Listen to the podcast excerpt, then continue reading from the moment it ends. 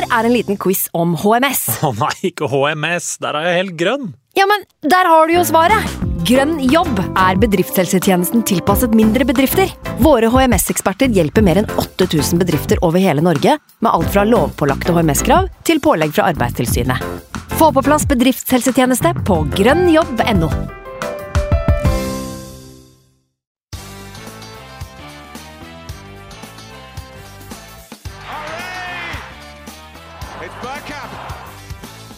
for grabs now! The next station is Arsenal. Velkommen skal du være til en splitter ny episode med Arsenal Station med Magnus Johansen og meg, Simen Goffeng. Deilig gjensyn med Martinelli på skåringslista, et par praktmål eh, signert Lacassette, en kjærkommen clean sheet og ikke minst tre poeng mot Sheffield United gjør vel at smilene er tilbake, Magnus, etter det som var en frustrerende Europaliga-kvartfinale mot eh, Slavia Praha på torsdag. Hvor er du på stemningsbarometeret nå? Jeg hadde sinnssykt hengeleppe etter den torsdagskampen. Jeg var så forbanna at uh, det nesten ble lys, lys lue på hele kåken her. Men uh, jeg fikk slokka brannen uh, delvis i dag, føler jeg. En god opplevelse, sjøl om det ikke nødvendigvis friskmelder verken meg eller laget. Så, så føler jeg at føler at, at vi må ta med oss, ta med oss en, en god prestasjon, med, spesielt med tanke på at vi hadde en del forfall i dag. Så jeg vet ikke deg, Simen, du som eh, lukter Var det sur røyk du snakka om? Har vært i Østmarka Jeg har vært og lufta huet i dag og tilbrakt halve dagen i Østmarka. Så det lukter bål, svette og ja, mye annet, egentlig. Jeg vet ikke hva slags lukter der. Samboer mente det var en gammel dameparfyme. Men det har ikke jeg vært bortpå i dag. Så jeg skjønner liksom ikke helt hvor det kommer fra. Men eh, nei, altså, altså Først og fremst beklager for at vi nevner torsdag, men sånn er det når vi er en ukentlig pod. Da, da må man også ta for seg det som har skjedd eh, også for noen dager tilbake. Men uh, ja, i dag så er jeg godt fornøyd, egentlig. Det var uh, på en måte litt sånn uh, what doctor doctored, doctor ordered. Eh, 3-0 mot det som må sies å være ligaens klart dårligste lag, selvfølgelig. Altså, Sheffield United er et championship-lag, og det har de vært ganske lenge. Så sånn sett kan vi ikke hente ut altfor mye, men jeg syns det er en liten selvtillitsboost vi tar med oss herfra. Da. Og er det noe vi har sett de siste kampene, så er det at selvtilliten vår har vært vekk.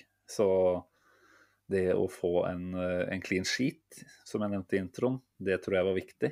Eh, det er vel faktisk 14 foregående kamper nå eh, før i, i dag, da, søndag kveld, hvor vi har sluppet inn mål. Som vel Det var vel en type tilbake på 90-tallet eller noe sånt. Sist vi hadde en så negativ eh, lang negativ eh, rekke med, med baklengs. Så bra for Leno, som jeg syns har vært litt sånn litt sur kanskje i det siste. Og det skjønner jeg godt når han står bak det forsvaret der, og ikke vært veldig god sjæl heller, vil man kanskje kunne si. Så det var bra. Eh, et par av måla vi skårer, veldig, veldig gode. Så jeg tenker vi kan jo bare hoppe i det og, og snakke litt, eh, litt, kort om det du opplevde på Bramall Lane eh, søndag kveld. Nei, det var, det var bra, det. altså. Um, Ian Wright malte jo som en katt i TV 2-studiet i dag når han beskrev det der målet, 3-0-målet. Når Thomas Partey virkelig introduserte seg i ja. etter jeg vil si en svak match uh, mot, på torsdag. Uh, og den der uh, vendinga han gjør der, og så kjapt uh, slipper ballen gjennom til Lacassette, som selvfølgelig gjør et godt løp, mm. og gjør det, det, han ikke gjorde mot, mot Slavia Praha, nemlig sette ballen i mål alene med, med keeper. Um, Nei, det var, det var, det var bra. Altså. Det var, jeg tenkte liksom at vi trengte den 3-0-skåringen for å få et sånn type resultat som er litt sånn overlegent. da. At, for at Sheffield United med han derre Hackingbottom, vet du for noe, han, han har vel eh, kanskje fått en jobb som eh, er noe over det man kan forvente at han skulle få noen gang. Han, eh, han var jo Leeds for en del år siden, og da ble det jo relativt dårlig stemning i den klubben når han kom dit. Eh, og han har jo vært gans, han har vel tapt alle kampene så langt i, i Sheffield United. De har mista den der soliditeten de mm. hadde under Chris Wilder, så det skulle bare mangle egentlig. Men eh, når det er sagt, Arsenal har klart å få tørr maling til å tørke enda lenger uh, denne sesongen her, med ganske mange anledninger. Uh, og i dag så skaper vi en god del sjanser, mm. til tross for at både Smith-Roe og Martin Ødegaard eh, er ute. Til tross for at Aubameyang eh, har, eh, influensa i hermetegn. Det skal vi ta senere. Mm. Uh, og jeg syns det er veldig gledelig da, at, at vi Jeg tror det laget her, uansett om det hadde vært eh, en av våre faste lyttere, Sleidar Diel, som vi har vært inne på tidligere, eh, eller om det er eh, HamKam eller om det er Sheffield United, trenger eh, bare å vinne en fotballkamp litt sånn eh, enkelt og greit. da. Mm. For at Det skjer ikke ofte.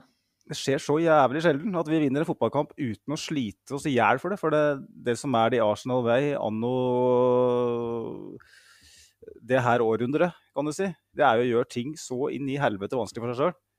Det er det vi alltid gjør. Det er liksom sånn, sånn som på torsdag, da, at vi eh, klarer å lage lungemos av, eh, av eh, pasta. Det er helt utrolig. Jeg tror ikke jeg har hørt akkurat den før, men det, det er for så vidt et godt bilde, det. altså. Det er første gangen jeg har hørt nå, men eh, litt spontanitet à la Marve Almar må vi tillate oss. Altså, Den kampen i dag er jo Jeg tenker at det er en kamp Arsenal egentlig har alt å tape i. da. Altså I hvert fall på det stedet Arsenal har vært nå de siste ukene. Mye negative vibber på mange områder i klubben. Eh, Mange spørsmål som stilles. Eh, altså, Sheffield United, ja, de har kanskje egentlig praksis rykka ned allerede. Det kan jo også føre til lavere skuldre og en litt sånn der gi faen-holdning som gjør at eh, de kommer ut og bare koser seg. Eh, Så jeg må jo si at jeg sånn sett frykt... Altså, jeg var egentlig ganske likegyldig til den kampen her i forkant, fordi vi har tabellmessig i praksis veldig, veldig lite å spille for. Uh, og jeg tenkte at eh, la oss spare så mye som mulig til torsdag. Livsviktig kamp. Uh, og sånn sett hadde jeg en tanke om at dette her faktisk kunne bli en ubehagelig opplevelse.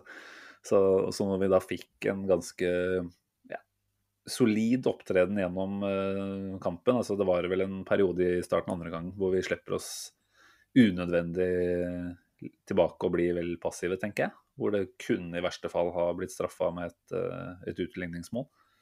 Men eh, bortsett fra akkurat det, så er vi, er vi fine i dag, altså. Og ja, du nevner det siste målet, som var sånn i et øyeblikk, så var det kanskje det standout-øyeblikket til Party Partey så langt, da. Men, men første målet er jo dagens peneste, tenker jeg i hvert fall. Det samspillet vi får der, litt sånn eh, rett utafor boksen. Eh, det var vel fire-fem eh, seanser der hvor det var ett touch, bare. Sebajos eh, assisterer med en eh, Altså, jeg vet ikke om han helt visste hva han drev med engang. For det så bra assist som det, det trodde jeg nesten ikke man fikk derfra. Den var fin. Eh, Lacassette er jo klinisk eh, foran mål akkurat i dag, i hvert fall. Var ikke det for noen dager siden. Eh, Så nei, det var en god opplevelse, dette her. Og du har jo fått kjøpt en ny Stressless nede i kjellerstua, og det var vel en bra kamp å introdusere den i? Ja, altså jeg er jo en, den overtroiske, eh, overtroiske typen. Ja, det kan du si, men eh, jeg er av den overtroiske typen eh, sånn sett. eller jeg vet ikke om det egentlig er det, men jeg, jeg, jeg sier det i dag. Det, etter at vi flytta inn i det huset her for om lag ett og et halvt år siden, så har det stort sett endt med dårlig stemning hver gang Arsenal har spilt før. Jeg, så det er jo å ta i, da, men det føles liksom som at det altfor ofte er et nederlag å snakke om. Jeg mener at i det huset her så bodde jeg to måneder før Arsenal United vant en fotballkamp. I hvert fall i Premier League. Det var den der Westham-kampen hvor PP eh, og Aubameyang og sånn skåra, husker Når mm. Jungberg fikk den første seieren sin. Eh, så det å bytte en sofa, det skal man ikke undervurdere. Det kan hende at det er det som gjør, uh, gjør underverker. Eh, men uh, nei, det har vært eh, det var deilig å, å sitte litt godt lent tilbake, for jeg hadde jo muligheten til det nå. Eh, normalt, Og så hadde det vært en klassisk Arsenal-match hvor ting på en måte er litt mer nervepirrende, hvor vi gjør litt feil som gjør at vi sitter litt lenger ut på stolen, så er det ikke sikkert jeg hadde tenkt noe over at, at det var en stressrest, for da hadde jeg jo ikke klart å sitte tilbakelent. Det vært som å sitte på en kirkebenk uansett. Mangler bare den der plata i ryggen, så er det riktig, det. Men um, jeg syns jo Når du snakker om Daniel Sebajos, da så har Ja. jeg vært en av hans største kritikere før jeg, siste tida. Jeg har for så vidt eh, for ganske lenge siden bestemt meg for hva jeg mener vi bør gjøre med tanke på han til sommeren. Men i dag så syns jeg han uh, iallfall viser uh, en del. Og klart, uh, når han gjør en pasning på én touch, så er jo det noe som skjer ca. en gang i året, føler jeg. og da, at det da blir en nazist, passer jo veldig bra. jeg syns han bruker litt for mye tid av og til i dag òg, men det er litt, som litt mer sting i, i, det han gjør i dag. Og det mm. kan, det kan handle om motstanderen, selvfølgelig. Men det, jeg tenker det igjen, det er en god opplevelse for han òg. Mm. Vi trenger at spillerne våre har noen gode opplevelser nå. for det jeg føler, jeg, Som vi snakka litt om for noen minutter siden, så føler jeg at, uh, at det er det viktigste i dag. Mm, altså resultat, resultatet er jo med på å definere det, selvfølgelig. Mm. Men uh, det at det er 3-0, ikke 1-0, uh, betyr veldig mye for, for, en type som Ceballo, og mm. vil jeg tro, og for en Bernt Heleno, som du sier, som holder, holder nullen. For Pablo Mari, som jeg syns har vært ganske dårlig de siste kampene, var god i dag. Så, så, det er mange som Thomas Party òg Uh, Lacassette. Det er mange som vi kan nevne, mm. som kanskje får med seg en god opplevelse nå inn mot, eh, inn mot torsdag. eh, som jo er føler i dag var litt sånn en slags treningskamp eller en mm. generalprøve mm. mot, det. Må si Lacassette var vel vår klart beste. altså Han får jo to mål, så sånn sett så er han jo vår man of the match uansett. Men han, han var god i dag. han som Stian Bøhling bl.a. skriver, jeg kan jo bare ta med den kommentaren. Eh, skriver at det var en godt gjennomført kamp, selv mot eh, ligaens desidert dårligste lag. Chambers og Chaka gode ut av posisjon. Ceballos også god, men Lacassette var et nivå over alle. Overalt, og hjalp laget. Gavin Martinelli også. Eh, akkurat den lille setninga som Stian skriver, var 'overalt og hjalp laget'. Det er vel kanskje det vi har vært litt kritiske til eh, Lacassette eh, med. Eh, mm. Vi vil helst ikke ha spissen vår overalt. Eh, vi vil ha den litt lenger opp i banen. Eh, også i mm. dag så driver han og trasker rundt eh, Eller skal ikke si trasker, for det var ganske greit, grei intensitet på beina hans, altså, men, men, han var en del dypt i banen i dag også. Men desto gledeligere var det jo å se han da faktisk ta det løpet i forkant av 3-0-skåringen. For det var et sånn type løp som vi sjelden, sjelden ser fra han, eh, og som vi trenger at en nummer ni, eh, altså en spiller nummer ni i eh, Arsenal gjør. da. Altså, Vi trenger spillere som søker det bakrommet, i hvert fall når det er der så tydelig som det var i den situasjonen. Og helst, helst mye oftere også. så det, det, var altså Jeg skal ikke si at det var en ny dimensjon med Lacassette, for vi har jo sett han gjøre det tidligere òg, men det viser jo i hvert fall at han har et relativt uh, bredt repertoar, da, må man kanskje kunne mm. si. Han har det. Og uh, på torsdag så uh, så sklei jo den ballen gjennom feltet tre-fire ganger i, i, første omgangen der. Mens Aubameyang satt på, på, benken og tvinna i håret sitt, så uh, rev jeg omtrent ut så mye hår av hodet mitt at uh, jeg kunne lage en ny pute til stresslesen min.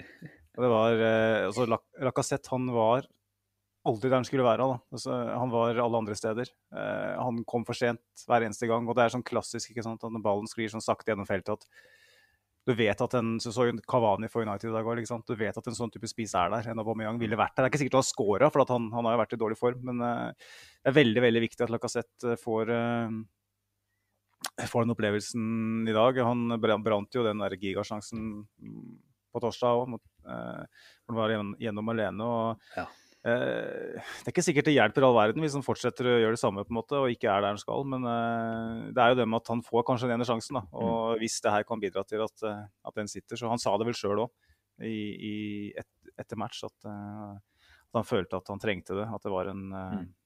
form for måte å betale tilbake etter, en, etter at han svikta, rett og slett. Ja, jeg må jo hylle han litt. da, altså jeg tenker Han hadde noen drøye miss og skulle ha skåret to-tre mål mot Slavia. Egentlig avgjort den ta inn der allerede.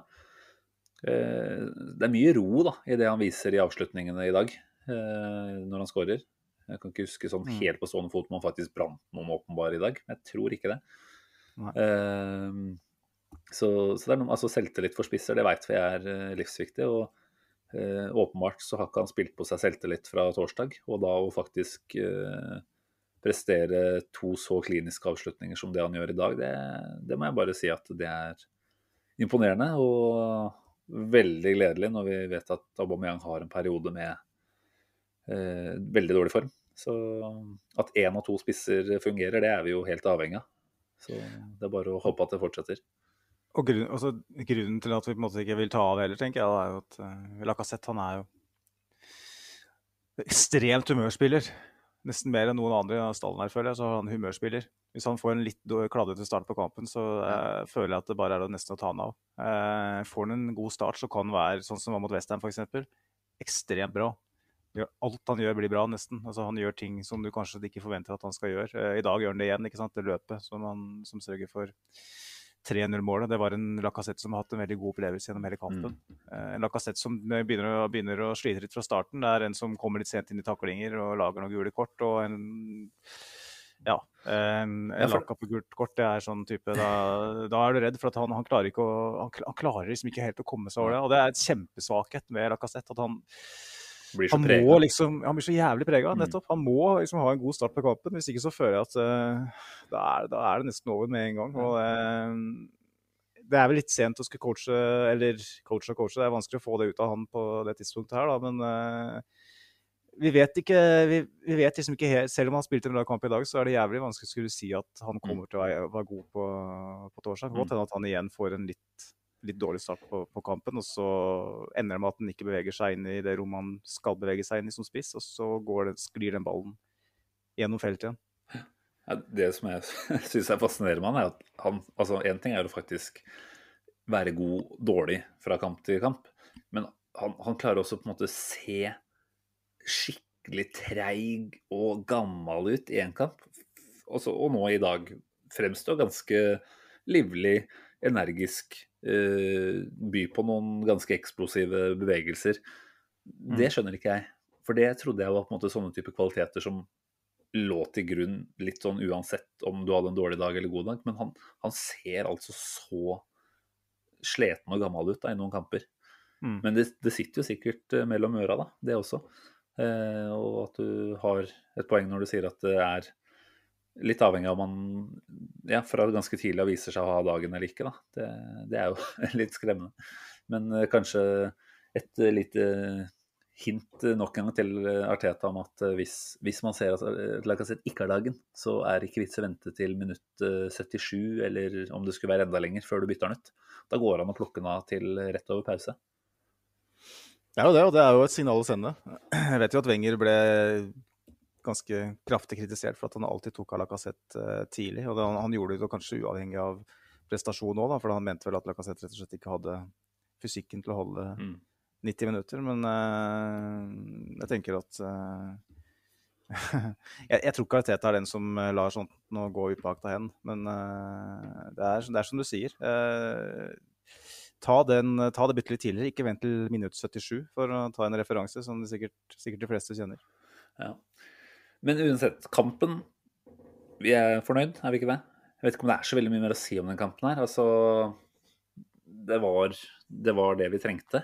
Eh, det vi ikke trengte, var jo selvfølgelig skade eh, på saka. Vi får bare håpe at den ikke er noe stygg. Det virker vel som det var et slag, altså et kne, da, mot eh, låret typisk lårhøneskade, og det er ømt og vondt å gå på et par dager, og så er han sannsynligvis ganske fin igjen til torsdag. Håper jeg ikke jinxer det der. Nei. uh, jeg syns vi bør ta to ord om Olo Martinelli da, når han uh, får sin første start i United-kampen, var det vel, i februar. Uh, det var februar, var det ikke det? Var det jan januar òg, faktisk? Jeg tror det var vel januar, ja. ja. Så det er jo nesten tre måneder siden, vil jeg tro. Det er to og en halv, tre måneder. Og, um, hva syns du, Simen? Nei, han er vel egentlig akkurat der vi forventa han skulle være. Eh, litt uryddig et par ganger, men det er et eller annet med den vilja og pågangsmotet han går inn med, da. Eh, som understreker at dette er en spiller som er kjempesulten, eh, har et stort behov for å, å markere seg. Eh, Urbinio på Twitter, som jo er en Arsenal-fyr, det er vel han som, som står bak Opta Joe, han skriver jo i dag at eh, og vi kommer tilbake til Aubameyang også senere. Eh, Pierre-Emerick Aubameyang hadde ikke prestert ett eneste skudd på sine siste tre Premier League-kamper. Mens Martinelli hadde tre eh, skudd allerede i denne kampen her, og det var før han uh, skårte mål. Mm. Eh, og nå skal ikke jeg slakte Aubameyang her, fordi det kommer du kanskje til å gjøre etterpå. Hva vet jeg. Eh, men, men Martinelli på venstrekanten har åpenbart tilbudt litt mer enn det Aubameyang har tilbudt fra venstrekanten de siste kampene. Eh, og det tenker jeg først og fremst vi skal være glad for. Altså, når Aubameyang ikke har prestert, så, så, er vi avhengig av at andre faktisk kommer inn og gjør en god innsats. og jeg syns han var eh, bra i dag. altså Du ser at han er litt sånn smårusten i, i noen touch og litt sånt, men, men jevnt over så syns jeg han har en ganske bra kamp. Eh, også der frykta jeg jo det verste når vi ser at han gikk ned med en ankelskade, men det var vel også bare et kekk, så det ut som. Så han kom seg opp, selv om han ble tatt av eh, ikke så lenge etter. Men jeg tror ikke det er så ille heller. Så veldig gledelig at han faktisk får den starten, for den har vi ropt etter ganske lenge nå. Og han har vel definitivt ikke spilt seg ut av en elver eh, før torsdagen. Eh, noe annet syns jeg ville vært vanskelig å, å forstå, i hvert fall. Nei, Jeg syns han eh, klarte seg veldig bra med tanke på, som du sier, veldig lenge siden han starta en fotballkamp. Han spilte veldig lite. og mm. litt, rus, litt, rustenhet må du regne med da, spesielt med tanke på at han var ute veldig lenge før han helt tatt eh, kom på banen igjen i, i, løpet av sesongen. Der. Han var vel ute i seks måneder med din, mm. din kneskade. Og, um, ja, han får jo en del skudd, da, men det er jo kanskje der litt det Ariteta ikke liker, antar jeg, som er veldig glad i jo, kontroll. Eh, at han kanskje løsner skudd litt for tidlig noen ganger. Eh, sånn at eh, et angrep som kanskje var lovende, blir avslutta før det blir virkelig farlig. Eh, og det ser vi et par ganger i, par ganger i dag. Men han, han, også hvis vi skal sammenligne med, med, han som spilte i samme posisjon mot, mot Slavia Praha, da, så, som vel ikke har så mange skudd i løpet av hele Arsenal-karrieren sin. altså når du er angrepsspiller, så så bør du ha en viss måltrussel. Og um, med tanke på hvor lite mål det er i det laget her, sånn generelt sett eh, Det å få i gang Martinelli eh, er veldig viktig. Få i gang PP, uh, samme greia. veldig mm. viktig. ja, de er spillere som spiller på høyere risiko, som ikke er like økonomiske i, som kanskje en, en William da, eller en Saka, uten å sammenligne dem utover det. så det, er noe med å let loose the shackles, da. Mm. Eh, la eh, Martinelli få lov til å spille litt mer, mer, fotball, for du ser at hvis du trenger et mål, så, kommer kommer en, kom, har du iallfall en spiller som kommer til sjanser. Da. Og han, han, skaffer seg sjanser bare gjennom, gjennom innsats. Mm. Han, han, løper som en galærslave konstant. Pablo Marie fant den et par ganger i bakrommet der, så jeg må berømme Marie for det. Mm. Eh, ikke så ofte jeg har sett det fra han. Uh, hvor han bare pumper det i bakrommet mot uh, Martinelli der. og eh, Det er noe med at en Aubameyang de siste, siste ukene ville kanskje ikke prøvd på løpet. Vi vet at William ikke ville gjort det. Så det er veldig nyttig ting å ta med seg inn mot torsdag. At han får det første, første målet sitt denne sesongen. her, Martinelli. Det tror jeg, Selv om det var tap-in, som du sier. Så... Oh, men det kan være det som setter i gang alt, det. Så, så, jeg tenker altså Selvtillit, som har vært et ord vi har nevnt et par ganger nå, det, det gjelder jo definitivt for hans del òg. Så det, jeg tror det der var potensielt veldig, veldig viktig for resten av uh, sesonginnspurten her. Jeg husker jeg sa vel det når han nærma seg comeback etter den skaden, at uh, vi skal ikke på en måte forvente noen ting fra Martinelli denne sesongen. Men sånn som det står seg nå, så tenker jeg jo at uh, altså med en Smith-Rose som er inn og ut med litt skader, uh, og som heller ikke på en måte har noe målgaranti ved seg, så, så, kan jo absolutt Martinelli vise seg å være en slags joker nå, som kan komme inn og Vi ser jo da at han trenger ikke, å, han trenger ikke mange kamper for å spille seg form. Han, han, kommer på en måte ganske kjapt inn i, i tempo og henger med. Og så kan vi sikkert diskutere om tempoet i den kampen her mot et svart svakt Sheffield United er representativt. Da. Men uh, jeg syns at det var veldig lovende det vi så fra han i dag. Og, og jeg liker at han skyter litt, heller litt mer nesten, ja, altså. Det er et eller annet med å mm. signalisere at vi er faktisk ute etter å prøve å dunke den ballen i mål, selv om vi står på 20. Han hadde vel et forsøk i ja, litt sånn mot slutten av første omgang hvor han trekker seg inn fra venstre. Lurer litt på, ser det ut som, skal jeg skyte? Tar et touch in, skyter, går via. Og da, da veit du liksom aldri hva som skjer. da. Den kan like fint uh, gå en meter til en av sidene, og så, så er keeper utspilt. Så altså, hvor mange mål er ikke et resultat av tilfeldigheter, da, også i Premier League? Så, Nei, ja, godt poeng. Ja, godt poeng. Kast, kast, litt altså desperasjon, da. Eh, nå vet jeg ikke at dette var desperasjon, men det er i hvert fall et lite steg i retning av å prøve noe som ikke er helt garantert at det går. For det er jo kanskje det vi har tenkt litt med Arteta, at han har en så klar plan for hvordan han vil at ting skal se ut. Sånn at det på en måte forhindrer spillere fra å ta litt egne avgjørelser.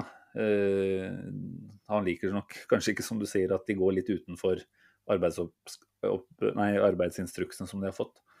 Men, eh, men, det tror jeg vi er avhengig av. Altså, Vi må ha en variasjon der, og vi må tørre å fyre litt mer skudd. Det er en, en basic need i fotball at man uh, gjør noe sånt. Og ja, Martinelli har hatt uh, eksempler på det tidligere, å huske, fra debutsesongen sin, hvor han skyter fra litt håpefullt hold, og den går via, og så er det plutselig scoring. Så mm. nei, mer av sånt. Og Det blir spennende, det har vi, det har vi også snakka litt om før, men det blir jævlig spennende når Det er kanskje en avsporing der, men når etter hvert det blir mye fans på tribunen igjen, eh, når ikke spillere hører hva Arteta sier hele tida. Laka, laka, Danny, Danny! Altså, det går jo sånn i ett hele kampen i 90 minutter. og jeg tipper jo det at, at spillere nærmest blir litt redd for å gjøre det Martinelli, Martinelli gjør. Da. Og kanskje her er det som vi snakker om, derfor han ikke spiller så mye. for at han han går litt mer rett på. Mm. Og samme med PP òg. Eh, fordi at jeg tror ikke Arsenal har et godt nok mannskap kvalitetsmessig til å spille den fotballen som Arteta ønsker å spille. Eh, og det, det, er kanskje en av de større problemene som vi kanskje skal komme inn på når vi skal snakke om eh, overganger etter hvert. Mm. Yes. Siste lille poeng fra kampen. Jeg vet at jeg egentlig var gira på å gå videre, men vi tar med det òg. Saka var vel uh, i en litt uvant TIL-posisjon i dag. Hva, Sånn helt kort, hva syns du om eh, det han leverer der? Jeg syns det er bra, jeg. Ja. Altså, jeg syns han bruker litt vel mye tid i dag, eh, kanskje, men det, det tilgir han lett. For han, han, har ikke spilt mange kamper eh, der, i hvert fall ikke i Premier League. Jeg vet ikke om han helt tatt har starta en kamp i en sånn rolle. Nei, jeg lurte på om altså, Det har vært snakk om det. Det er jo noe vi måte har tenkt tidligere, i hvert fall før Ødegaard kom, at Saka kunne være et åpenbart uh, tieralternativ uh, når det skorta litt uh, på de andre. Mm. Um, jeg, jeg, må si at jeg syns han linker bra opp, særlig med P, kanskje. da. Han er uh, mye bevegelse, uh, gjør seg spillbar og har liksom ikke på noen som helst måte en Martin Ødegaard-opptreden, men han er i hvert fall også en liten sånn offensiv katalysator da, i form av å være i bevegelse og skape rom, uh, skape nye situasjoner hele tiden. Så, så jeg syns det var en, en bra greie i dag. Ja, ja. Og eh, jeg syns jo det han gjør veldig bra, er jo at han er orientert når mottar eh, ball. Eh, mm. Så han har flere anledninger hvor han, hvor han vender, og det ser du gjerne når han spiller på høyrekanten òg. At han er ekstremt flink til å orientere seg. sånn at når han mottar ball, så vet han hvor det er rommet å løpe inn i. Så han vender opp og tar med seg ballen. Og han vet hvor PP er, og han vet hvor Thomas Party er, som han har en del gode kombinasjoner med. og Eh, kontra, altså nå, nå, føler jeg liksom at den der William-tromma kommer til å bli banga på noe grenseløst i løpet av den podkasten der. Vi har ikke kommet dit engang. Men jo liksom, han har òg vært en, et, nød, et, nødvalg i den rolla, og han kommer inn i dag, og du ser han ikke. Eh, for han, han, han, er ikke der. Han er ikke så dynamisk. Han, han gjør seg ikke spillbar. Han, og det er jo det med at han gjemmer seg. Han gjemmer seg og Lakas, det, det, det, nei, det er ikke Lacassette, men det er det jeg liker med Saka. da. At han, uh, Uansett hvor han spiller hen, så, så prøver han å løse det, og som regel så klarer han å løse det ganske bra. Mm. Absolutt. Det du sa ganske tidlig i sendinga her, var vel at det var godt for din helse også at uh, Arsenal vant i dag. Og, og, en ting vi har lurt litt på de siste dagene, er jo må vi ringe eh, psykiatrisk akuttklinikk for å be om en vurdering? Eh, er det sånn at Magnus er konspirasjonsteoretiker av rang og må vurderes for paranoid vrangforestilling? Er det sånn at eh, du også burde vært på uh, plass foran Stortinget i helga og, og hva heter det, uh, konspirert sammen med en del av disse andre demonstrantene som er lei av koronarestriksjoner? Har du en konspirasjonsside, Magnus, som ikke vi visste om, eller? Du er jo en ja, en liten down to earth-fyr fra Løten. Det ligner jo på en måte ikke deg å drive og spinne for mye på eventualiteter. Men eh, Aubameyang var ikke med i dag. Flu ble det rapportert om i går, altså lørdag, fra David Ornstein. Det var ikke du helt enig i nødvendigvis? Uh, nå kjenner jeg ikke Aubameyang og har ikke noe direkte linje til han, bare, for, bare, for, å si det. Men min konspiratoriske side kommer kanskje fram litt på Twitter i løpet av egentlig ja, siste tre-fire dager. For jeg stilte vel egentlig spørsmålet allerede mot, før Slavia Praha-kampen. Jeg så han satt på benken og ikke kom inn i det før det var spilt 77 minutter. og vi, altså et, etter at han ble kasta under bussen mot Tottenham, så stilte vi spørsmålet eh, var det så veldig smart Arteta å utlevere Ariteta Arteta mm. på den måten, nei, Aubameyang på den måten. Uh, kunne du ikke tatt en spansk en der? Uh, han er jo spansk til og med, så han burde kunne klart det. uh, og så, når han da blir altså et type kamp mot Slavia Praha, da, så, som jeg mener det, er, det, så, det så vi jo at det er her De hadde vel tre av fire Bekkerika ute eller noe sånt. det første valget, så her har du virkelig en mulighet. da. En spiller som Aubameyang som beveger seg så smart mm. i, i, boksen. Han eh, kommer til en målsjanse etter 40 sekunder eller sånn når han kommer inn. Uh, da tenker jeg Det virker jo nesten uh, som galskap å ikke sette den på før. Mm. For meg så var det litt galskap at den ikke starta. Du, du, prøver å si at det er Teta som skal legges inn? Uh, ja, altså uh, hvis, Jeg vil ikke at noen skal legges inn, da, men uh, jeg føler at han er nærmere enn meg. kanskje. og så begynte jeg da å konspirere noe voldsomt. da. Fant fram sabelen og rasla noe grenseløst på Twitter. Jeg gjorde ikke det. Jeg, var, jeg stilte spørsmålet på Twitter igjen. for det, litt sånn er det en ny situasjon på gang her. Mm. Influensa er det vel ingen som har i England om dagen, eh, hvis man skal tro helsemyndighetene der. Eh, så det er jo et smitteverns-VM nå. Mm. Eh, og så skal han da, som på en måte lever kanskje mer enn en boble enn gjennomsnittet, skulle klare å få pådra seg influensa. akkurat nå, liksom, når ting har vært som det har vært, virka litt sånn mistenksomt, da. Ja. Eh, så jeg stilte spørsmål, rett og slett. Eh, er det noe på gang her? Er det her riktig? Det virker litt sånn spesielt. Mm. Eh, jeg, jeg spurte om konspirasjonspodden kanskje burde inn på banen for å lage en episode. For den pleier jo å ta sånne temaer som sannsynligvis så er det piss, men de går litt dypere, dykker litt dypere i materien for å se om er det noe i det her. Er det en orm i Seljårsfjorden, ikke sant? Eller er Aubameyang på Øsil-sporet? Jeg tror ikke det, men uh, jeg syns det er legitimt å stille spørsmålet. For jeg syns den uh, timingen var veldig spesiell. Altså, timingen, har han fått influensa, så må han få lov til å ha, få influensa. Men uh, det, det, var litt sånn mistenksomt at det skulle skje, skje akkurat nå. Vi er jo brente barn, Simen. Vi har jo eh, sett det her før med Øzil. Han hadde jo så mange ryggplager at eh, det var rart ikke han hadde klippekort hos kiropraktor. Mm. Og Det er vel nettopp og... derfor vi kanskje er litt raske nå da, til å dra den parallellen der og, og stille spørsmålet. Eh, nettopp fordi man har opplevd det samme før. Eh, jeg tenker jo ikke at jeg har lyst til å sette noe diagnose på deg, i hvert fall. Jeg syns det er eh, helt legitimt å, å lure. Eh, jeg syns det er riktig å stille spørsmål, egentlig. Eh, for meg så blir det naivt å tenke at ja, ja, det er helt sikkert eh, influensa, og så bare godta det.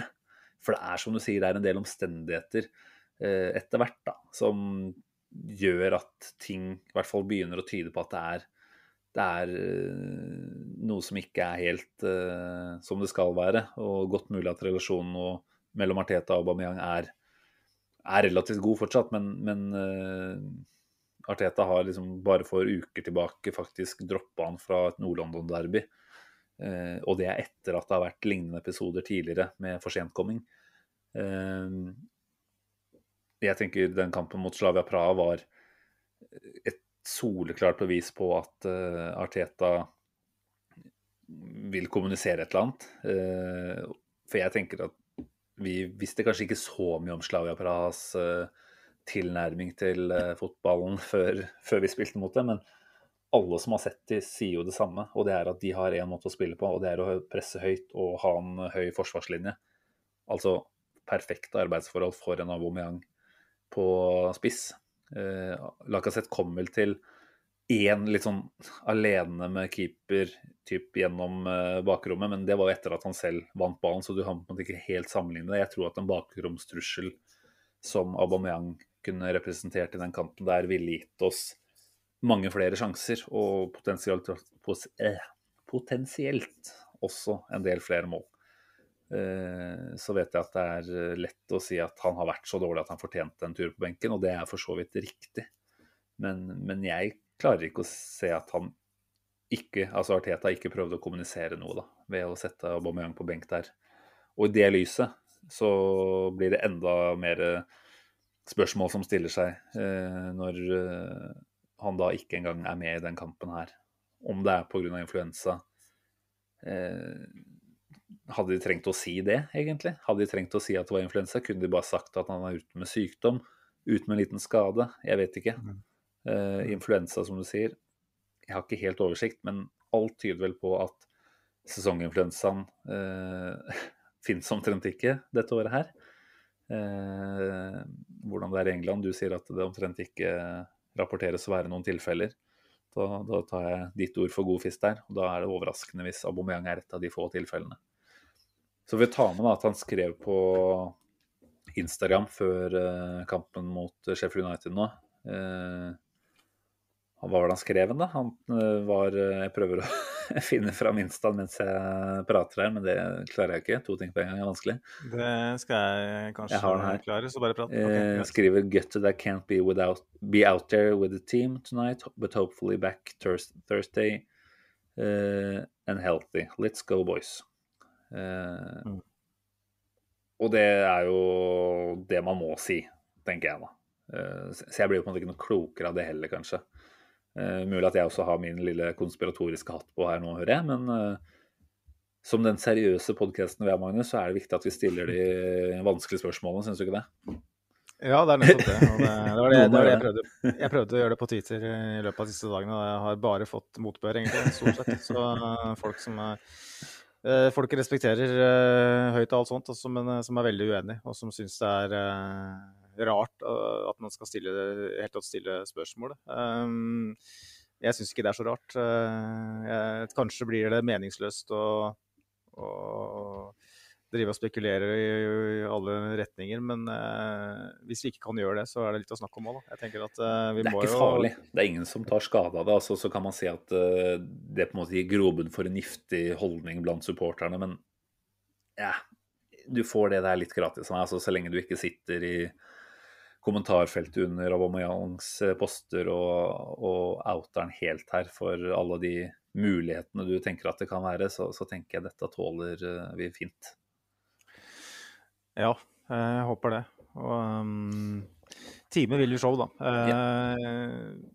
Det er det er en kamp på torsdag. Jeg tenker Influensa det er, altså det er et, kanskje et begrep som blir brukt litt for for mye. Mm. Eh, fordi at som regel I veldig mange tilfeller så er det type ligge rett ut og ha det ganske heftig. Du er i helsevesenet, Simen, så du kan kanskje uttale mellom det, men jeg føler jo at influensa blir brukt eh, om ting som ikke er influensa. Ja, det tror jeg vi kan si ganske sikkert. At uh, det er lett å tro at man har influensa, og så har man egentlig en forkjølelse. Og når man først får en influensa, og den setter seg i kroppen, da merker du at du har influensa. Og mm. da sitter den gjerne i noen dager også. Uh, så sånn sett så Også hvis dette dukka opp i går Det er jo igjen umulig å si. Eh, men eh, ja, nei, vi, vi, får bare se. Altså, vi trenger jo ikke å si det, Magnus, at vi ville jo bare vært superglade hvis det ikke er noe som helst uh, uro under overflaten her, hvis alt er som det skal være. Ingen er mer fornøyd med det enn oss. Men uh, igjen, det går an å undre seg, og det, det skal ikke være farlig å, å stille det spørsmålet, i hvert fall. Nei ja. Og um, jeg vet ikke helt hvordan, uh, hvordan en influensa arter seg over lengre tid. Så hvis han er med på torsdag, så trenger jeg ikke nødvendigvis å si, si, si, noe heller. Men uh, jeg tenker at Arsenal, um, som da tydeligvis har oppgitt den årsaken til David Ornstein uh, og til pressen, bør være såpass orientert da, at de ikke oppgir en sånn grunn eh, som på en måte eh, skal jeg si, de fleste ville kunne gjennomskue. Mm. Uh, med mindre det er hold i det. Jeg tenker at Så nedsnødd er ikke og det skrev jeg på Twitter, så nedsnødd kan selv ikke Arsenal være. For jeg mener jo at Arsenal har PR-messig gjort så mange blemmer de siste, Mm. tida, de siste par åra nå at uh, det er liksom litt sånn at ja, jeg kanskje kunne vært, gjort noe så dumt. Uh, og så håpa man hele tida på at nei, vet du hva, såpass oppegående er de. Og jeg, jeg, velger, jeg velger å, å, å, tro at, at, han faktisk har fått eh, noe som ligner på influensa. i hvert fall. Og da, da, tror jeg ikke vi ser ham på torsdag, dessverre. Nei. Det, nei, hvis det er tilfellet, så er han såpass redusert utover uka at det ville vært imponerende, i hvert fall. Men han er jo toppidrettsutøver, så det kan jo hende at uh, han er helt oppe og fin igjen. Uh, vi får se. Men uh, jeg tenker at det, det får være nok om akkurat det temaet for i kveld. Eh, jeg tror ikke Arteta nevnte eller ble spurt om eh, status, så da er det liksom ikke så mye mer å, å, si om det. Og da er det vel egentlig greit å gå videre til neste tema, som jo er et ganske stort et, kan man si trygt. Eh, overgangssommeren 2021 for Arsenal. Der har vi jo fortsatt ganske store spørsmålstegn, eh, åpenbart. Og, og, det er ikke lett å si noe sikkert om hvordan det kommer til å se ut eh, på spillelogistikkfronten før vi vet hvor vi står med europacupdeltakelse. Blir det Champions League? Blir det Europaliga? Blir det Conference League? Gud forby. Eh, det er mye penger å, å skille på her, fra turnering til turnering. så for å være litt edruelig, så tenker jeg kanskje det er riktig å gå ut fra dagens status, da, uten at vi skal gå altfor mye i dybden i dag. Fordi vi tar en skikkelig gjennomgang av uh, hva vi må gjøre på, på, på fronten der uh, når sesongen er over, selvfølgelig.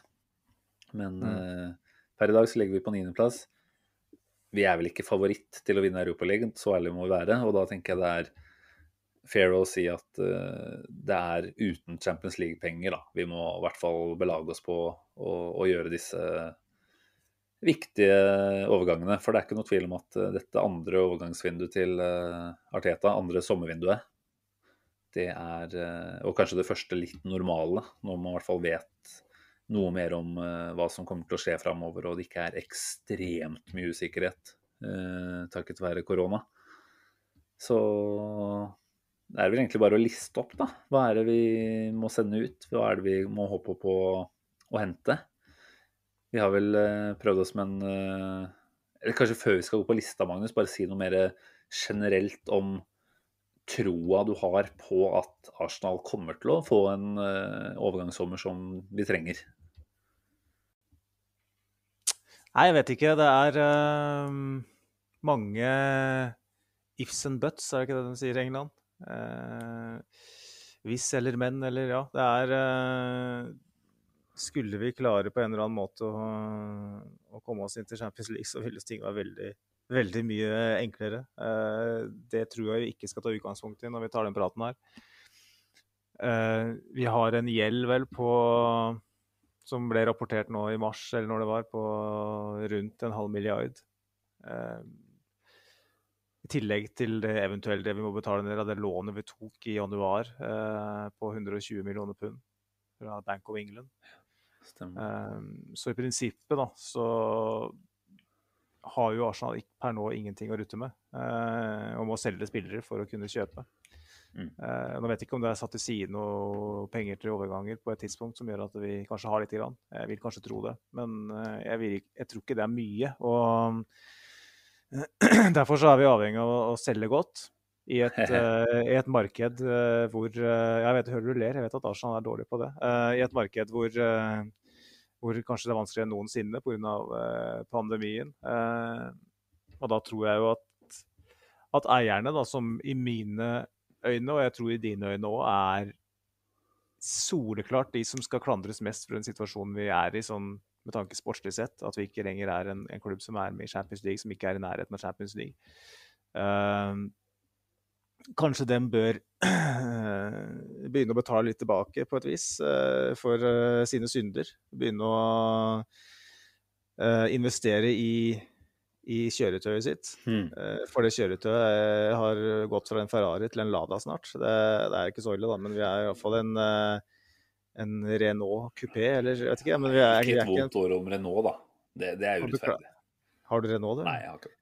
Nei, okay. Men, men Nei, eh, altså, det er jo en fin eh, metafor du bruker der. Jeg tenker jo Det er jo et tydelig bilde på hvor skakkjørt den investeringen til Cronkis tross alt er på vei, da. Altså, jeg tenker at de gir faen i hvordan Arsenal egentlig gjør det, altså som klubb. Men som investeringsobjekt så er du jo kjempeopptatt av hvordan dette her går. Og det er jo ikke noe tvil om at vi er i en bratt utforbakke, og den har vi vært i nå i flere år. Eh, Men det har hele tida vært disse halmstråene med OK, vi har europaliga der, vi kan kvalifisere oss der. Altså hvis vi da tar utgangspunkt i at vi nå faktisk står uten Europa totalt til neste år, går glipp av hva kan det være, 500-700 millioner kroner, kanskje, da, noe sånt. Eh, har han egentlig noe annet valg enn å faktisk eh, bla opp litt, da? Altså for å beskytte sin egen investering. For det, altså Arsenal blør jo penger. Eh, Det er jo totalsvikt på inntekter nå som man ikke har eh, tilskuere på tribunen. Altså hvis vi skal være konkurransedyktige igjen til neste år. eh, ja, vi kommer til å selge noen spillere og få inn noen penger, men det er ikke sånn at vi som selger kan presse opp priser, fordi alle vet at egentlig alle klubber er ute etter bare så mye som mulig. Og vi har en del spillere som det er helt åpenbart at ikke det egentlig er noen plan for å beholde. Da. Så, så jeg tenker at uh, Cronkis har Ja, hva skal man si? Jeg skal ikke si kniven på strupen, men for sin egen del da, så tror jeg de forhåpentligvis frykter, da. Jeg håper de frykter at den investeringa de gjør i Arsenal nå, i verste fall gir de ekstremt dårlige utsikter. Hvis de ikke faktisk gjør et ordentlig bidrag før det er for sent. Da. Og kan godt si at det er for sent allerede, at vi har vært utenfor Champions League nå fire Ja, det er fire sesonger, er det ikke det? Ehm, Jeg tror Jeg vet ikke om jeg tør å håpe på det, men jeg tror at det er en eh, idé da, fra, fra de amerikanske eierne våre om å beskytte investeringen sin. Og da, da, da må det noe penger på bordet. Også utenom de småpengene vi kanskje får inn ved å selge. Mm. Ja, jeg, jeg, jeg vet ikke om jeg tror det, for å si det sånn. Eh, når det gjelder Cronky, så har det på en måte vist at de er eh, ekstremt reaktive, da. Sånn at de kommer alltid litt for sent. De kommer alltid halv ni når de skulle vært klokka åtte. det er jo for sent. Det er jo for sent. det- det ja, det er jo for sent allerede, men jeg tenker jo at uh, det er veldig forskjell på å investere den sommeren her kontra å vente enda lenger. Uh, fordi at Arsenal er uh, en situasjon nå hvor på en måte det der tog, elitetoget er i ferd med å gå. Det er nesten ingen andre klubber som blir så hardt ramma, i hvert fall ikke England. Så kanskje Tottenham eventuelt, da, når det gjelder det at det ikke er fans på tribunene og sånn. Helst ikke de vi skal sammenligne oss med. Nei, ja, det, det kan jeg være enig i, men uh, dem òg blør jo. Uh, og kanskje blir de Nord-London-derbya interessante med tanke på å kvalifisere seg til Conference uh, League de nærmeste åra. Men uh, nei, jeg bare jeg vet ikke. Det er bare Jeg klarer liksom ikke helt å stole på at, at en bryr seg nok, da. Fordi at eh, Det er klart, det eneste, eneste som gjør at jeg blir litt positiv, er jo at eh, alt tyder på at, eh, at, de har en veldig, at de har veldig sans for Arteta. Mm. De hadde veldig sans for Wenger òg, og de, de hadde litt for sans for Wenger. Det kan vi være enig i. Og, men i, i det minste da, så kommer de i hvert fall til å, kommer ikke til å stå i veien for den i hvert fall. De kommer ikke til å gjøre ting vanskeligere for den eh, ved å måte holde tilbake midler som er tilgjengelige for den i utgangspunktet. Eh, De har jo vist etter at de ble majoritetseier, altså majoriteten er de eneeier nærmest, men eh, de har jo vist det at eh, den står jo ikke i veien for at klubben skal bruke penger eh, på, på overgangsmarkedet. Det er heller det problemet har heller vært det at de Misbruker det. Ikke, at de ikke følger med, da. Sånn at, ja, nettopp. Altså, sånn som den PP-dealen. Vi skal ikke ta den diskusjonen nødvendigvis i dag, men det der at de kommer inn ett år etter at den dealen ble gjennomført og sier at vet du hva, det, det var eh, et dårlig stykke arbeid, så han som står ansvarlig for det, nå sparker vi. Det var jo det som skjedde. Det er bare det at det vil jo aldri bli kommunisert eh, offisielt, men det, det, såpass oppegående er vi som har fulgt Arsenal tett, at vi, vi, vi, ser hva som skjedde der. Det kan være flere faktorer, men det var en stor, stor faktor i at Raoul Sané måtte gå. Men de skal jo være der når den overgangen uh, gjennomføres, eller er i ferd med å gjennomføres. De skal være der når, uh, når, når uh, den derre rebuy-staken ligger på grillen hos Kia Rabshan. Da skal de være der. Ikke sant? Yep. Sånn at de ikke signerer en 32 år gammel utvaska X-Racer-spiller på treårskontrakt. Det er der de skal være der. Ikke et år senere og si at «Oi, det her var ikke bra. ikke sant? For det er jo så sinnssykt useriøst.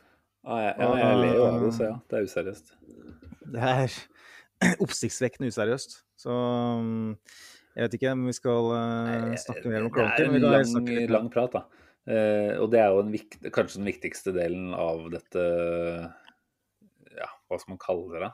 Uh, sausen vi har blitt. Uh, det er mange dårlige ingredienser i Arsenal fotballklubb om dagen, men eierne må ta et hovedansvar. Eh, neste på lista man må ta for seg og spørre litt om man er komfortabel med å gi tillit, det er jo du, da. Eh, mm. Han har vel en litt sånn blanda CV, kan vi si, så langt. Eh, jeg må jo si at januarvinduet nå, det var bra. Få inn Ødegaard. Fantastisk godt jobba. Et par andre avgjørelser som har blitt gjort tidligere, kan man definitivt bare si var totalt håpløse. William krise, altså en økonomisk krise. Har vel fortsatt ikke Hva er det vi har på da? 150 000 i uka? Uh, kommer jo aldri til å betale tilbake det han koster.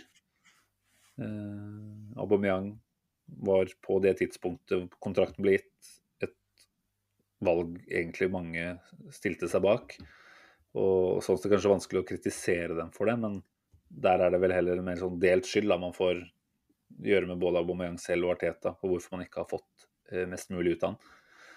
Eh, men hva tenker du om Medus rolle oppi dette? her? Er det sånn at du tenker at hvis han får 100 millioner eh, pund gjennom spillersalg da, og eventuelt noe bistand fra, sjef, fra eier, er det sånn at du tenker at det, da er vi tillitsfulle til at du bruker de pengene godt?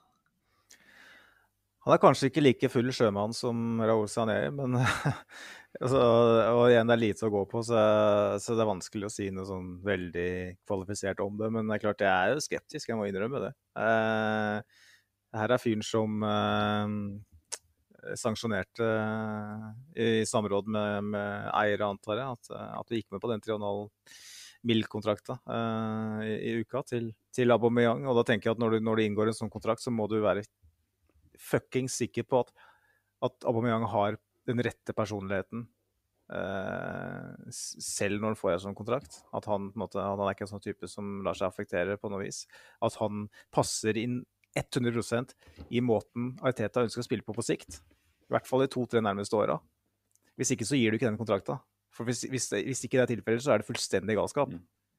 Uh, og spørsmålet mitt er jo da er det ikke, altså, eh, uten å spore av, så uh, var det tilfellet? Hvor, hvor, sikre var de på det? Uh, ta den, ta den ikke-populistiske veien, da. Mm. For at Arsenal har tatt så mange populistiske avgjørelser nå som har kosta oss så sinnssykt dyrt de siste åra at, at, det hadde vært nesten litt forfriskende på et vis. Ja. Der jeg hadde sikkert vært like forbanna som alle andre, men uh, det er en ting. Og så har du den, uh, den Runar Runarsson-dealen. Den er den dårligste keeperen i fransk uh, eliteserie. Ble henta fordi at uh, keepertreneren har telefonnummeret hans. Altså, hva, altså, hva, ja, det er. Hvordan, hvordan, er det mulig, da? Hvordan er det mulig å gjøre så mye dumt? Og Derfor tenker jeg liksom at jeg liker Arteta. Jeg, jeg, jeg tror at han er, har veldig mye å fare med. Uh, men de som sitter over og rundt dem har jeg også så lite tillit til da, som det er mulig å få omtrent. Jeg, jeg håper at du ønsker Arsenals beste. Han er en Arsenal-mann. Uh, men uh, noen av de avgjørelsene som har blitt tatt, og så sent tilbake som i, i fjor sommer vi må, vi må, huske på det. At ja, Sanjei er borte, Gazidis er borte. Det er veldig mange av de som, og Wenger og til dels er borte. Mm. De som har tatt mange sånn avgjørelser som har påvirka vår evne til å være konkurransedyktige, dem er borte. Men det var ikke de som signerte William på treårskontrakt. Det var ikke de som henta Runa Runarsson. Det var ikke de som ga Aubameyang uh, den treårskontrakta. Det er de som er her nå. Så uh, jeg er livredd, jeg må innrømme det. Jeg er livredd. Det var ikke verre, da. uh, ja. Jeg vet ikke om jeg trenger å legge til noe der. Jeg syns du oppsummerer det ganske bra. Det er all mulig grunn til å si at uh, juryen fortsatt er ute. Var litt på vei inn igjen, følte jeg, liksom. Uh, nå rundt juletider. Og så, og så, rekker man jo å stille seg spørsmål igjen, da. Man, men det igjen handler litt om måten Arteta disponerer mannskapet også på. Så igjen, det er en fordeling av skyld som må gjøres her. Uh, og så er det verdt å nevne at uh, denne Richard Garlick han ble jo klar for at Det ble vel sagt ja, Var det før jul, kanskje? En stund tilbake. At han kommer inn og blir en sånn kontraktsfyr, på en måte, som tar seg av en del uh, av det formelle da, rundt spillersignering eller sånt. kan jo håpe mm. at i hvert fall bare det å få inn et nytt, forhåpentligvis veldig oppegående hode der, kan være et pluss da, i, i, de beslutningsprosessene som skal tas. Er det ikke slik at uh, i sånne gamle uh, overtro, så, så, hvis man var besatt av jævelen og sånn, så tok han seg et bad i løk, var det ikke det? En Løkbad. Kanskje garlic er uh, take, at han er badet vårt. Garlic bath. Sånn at nå, nå driver han jævelen ut av de som har gjort mye dritt siste åra. Jeg vet ikke. Men ja, altså han eh, Jeg tenker jo at uh, altså, du får inn en fyr som i hvert fall er uh, seriøs. Og det, det, er bra. En som uh, gjør ting etter boka. og Jeg føler at i den Sanjei-retningen vi gikk, så var, jo, var vi ikke etter boka. Nei, det var fullt sirkus. Jeg, jeg, var på det sirkuset i starten, og så så man jo etter hvert at det var, det var bare rør, det han holdt på med. Og det er jo overraskende når du har vært sjef i ja, både Nike og Barcelona over flere år. Ikke, ikke toppsjef, eh, men i hvert fall hatt et stort ansvar begge de stedene. Barcelona er ikke helt enig i, for der gjør det sjelden ting etter boka. Men uh, Nike, ja. Eh, men ok, det er jo litt av, det bakenforliggende. Eh, hvis vi skal gå helt konkret på, på spillelogistikk, da. Det er jo en ganske lang liste etter hvert nå med navn som vi tenker eh, ikke er å se, eller i hvert fall ikke nødvendigvis er å se på Emirates neste sesong. Jeg tenker at kan ikke jeg bare ta og nevne navn, og så tar vi en kjapp vurdering på drar han, og hvis ja, eh, hvor mye får vi for han? Og så får vi på en måte se hva dette her kan generere til slutt. da. Eh, Eddie Nketia, hva tenker du? Ett år igjen på kontrakta. Altså Han er såpass ung. Han er eh, toppskårer i U21-sammenheng gjennom tidene i engelsk landslagsfotball. Eh, By the way, var han helt naken i det gruppespillet i U21 eh, nå når England røyk ut i forrige landslagspause. Helt ja. naken. Men det var for så vidt England òg. Imponerende nok. Avsporing. Sorry. Uh, nei, men altså, det er jo noe som har litt med verdien hans å gjøre, uh, selvfølgelig. Så det er ikke helt avsporing, det. Uh, jeg tenker at ideelt sett få han til å signere en forlengelse nå. Mm. og selge den til sommeren hvis, hvis, du kan. For det ser jo han som spilte på Sheffield United i dag. han Brewster, som Liverpool solgte, som har mindre å vise til på, mm. på aldersbestemt nivå. Um, jeg tipper jo at Nketia i alle fall gir deg en 15 millioner pund fra en uh, I et normalmarked, ja. Vanskelig å si hva Men igjen, pengene ja, i Premier League de ruller for så vidt godt inn, og han er engelskmann, så at en uh, Altså, jeg tenker at en opprykksklubb i championship, altså type Norwich eller uh, hvem andre som blir med opp der, Watford Watford, Eh, Watford som har en Dini som fortsatt leverer en gang iblant. Han er jo over middagshøyden, kan man si. Så at en sånn type klubb som får en del ekstra midler, eh, har mulighet til å Ja, som du sier, 15 det, det burde ikke være helt umulig, faktisk. Eh, og, og, nå som eh, Balogun eh, i hvert fall tilsynelatende ser ut til å signere en ny fireårskontrakt, da, som jo er en veldig gledelig nyhet, som er verdt å nevne. Altså, det er jo noe vi egentlig hadde avskrevet mm. mulighetene for for lang tid tilbake. Trodde at alt tyda på at han var på vei ut, men eh, nå ser det ut til at han blir. Det er vel enda et argument for at Nketia kanskje ikke blir, da. Eh, det er vel samme agent på begge disse her òg, hvis jeg ikke tar helt feil. Mm. Så da er det vel noen signaler som har gått i retning Nketia om at du ikke nødvendigvis er mannen som blir med oss videre. Men igjen, det er han som kommer inn på i dag. Er det for å beefe opp eh, verdien hans, eller er det for å prøve å overtale han til å kanskje signere, da, som du sier? For å kanskje leie han ut. Det er mange usikkerhetsmomenter der. Men la oss si at vi selger den. 15 mil. Jeg syns ikke det høres helt urimelig ut, så jeg kan gå inn på det. Uh, ja, det er jo hvis den signerer, det er jo hvis den uh, forlenger, da. Uh, yeah. Hvis den ikke forlenger, så okay, 10-12, kanskje. Ja, ja. Men ja, det, det, her blir jo også Ville spekulasjoner. Ville spekulasjoner. men OK. Matteo Gunduzi har nå, etter å ha vært litt ute i kulda da, i Hertha Berlin, hatt to eller tre på rad nå hvor han har starta og i hvert fall spilt store deler av kampen. Hertha Berlin som gjør det ganske dårlig i Bundesliga. Eh, tror du det er noen vei tilbake, eller, for han i Arsenal? Ikke under realitet, tror jeg. Eh, det igjen spekulering, men eh, det virka jo ikke som om det var eh, reparererbart ut ifra hva man har lest og hørt. Ville overraska veldig, det må jeg si. Så han har vel et par år igjen på kontrakten, har han ikke det? Jo, jeg tror han også bare ett år igjen, jeg. Er det bare ett år igjen? Jeg tror det. Så det er jo ikke ah. noe sånn knallharde forhandlingskort. ja, det her, altså Arsenal altså, Åh, hjelpes. Uh. Men uh, Hertha Berlin har vel vært litt sånn halvlunkne til om de tenker uh, at dette er en fyr de vil ha med videre. Mm. Vanskelig å si hvor god aksjeutvikling det har vært for han nå gjennom den Bundesliga-sesongen. Mm kan vi tenke en ja, si 10 millioner uh, pund, eller? Altså Han har uh, et åpenbart uh, potensial. Han er kaptein på det mm. franske U21-landslaget. Han er god der. han har vært, i motsetning til Enden Nketia, vært veldig på radaren til, til større klubber jeg vil tro vi skal kunne få mer for han enn for Nketia. Mm. Uh, selv om han har den personligheten har. No, noen klubber vil jo tenke at, uh, at, her har vi en sånn type fyr du kan forme litt, som har en litt sånn stjernenykker som, ja. som han gjerne bør ha. Uh, så jeg vil nok tenke kanskje en, en mellom 15 og 20 millioner pund er mulig å få. Okay. Jeg ser ja, Transfermarkt bekrefter at han har ett år igjen, da og har 20 millioner euro som eh, markedsverdi på den.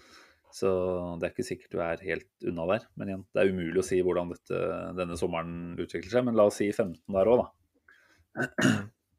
Hopper vi over til uh, Maitland Niles, som vel gjør et OK utlån i West Bromwich for å spille der han ønsker, på midtbanen.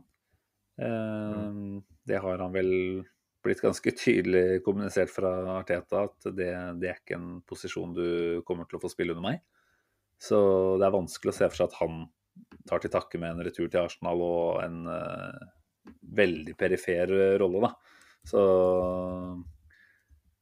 ja, altså nå er jo West Brom et lag som kommer til å rykke ned, så det er vel ikke sikkert at han nødvendigvis blir med de ned, men tror du han har gjort nok til å uh, gjøre seg interessant for en eller annen uh, ja, litt sånn halvveis dårlig Premier League-klubb eller en opprykksklubb fra Championship?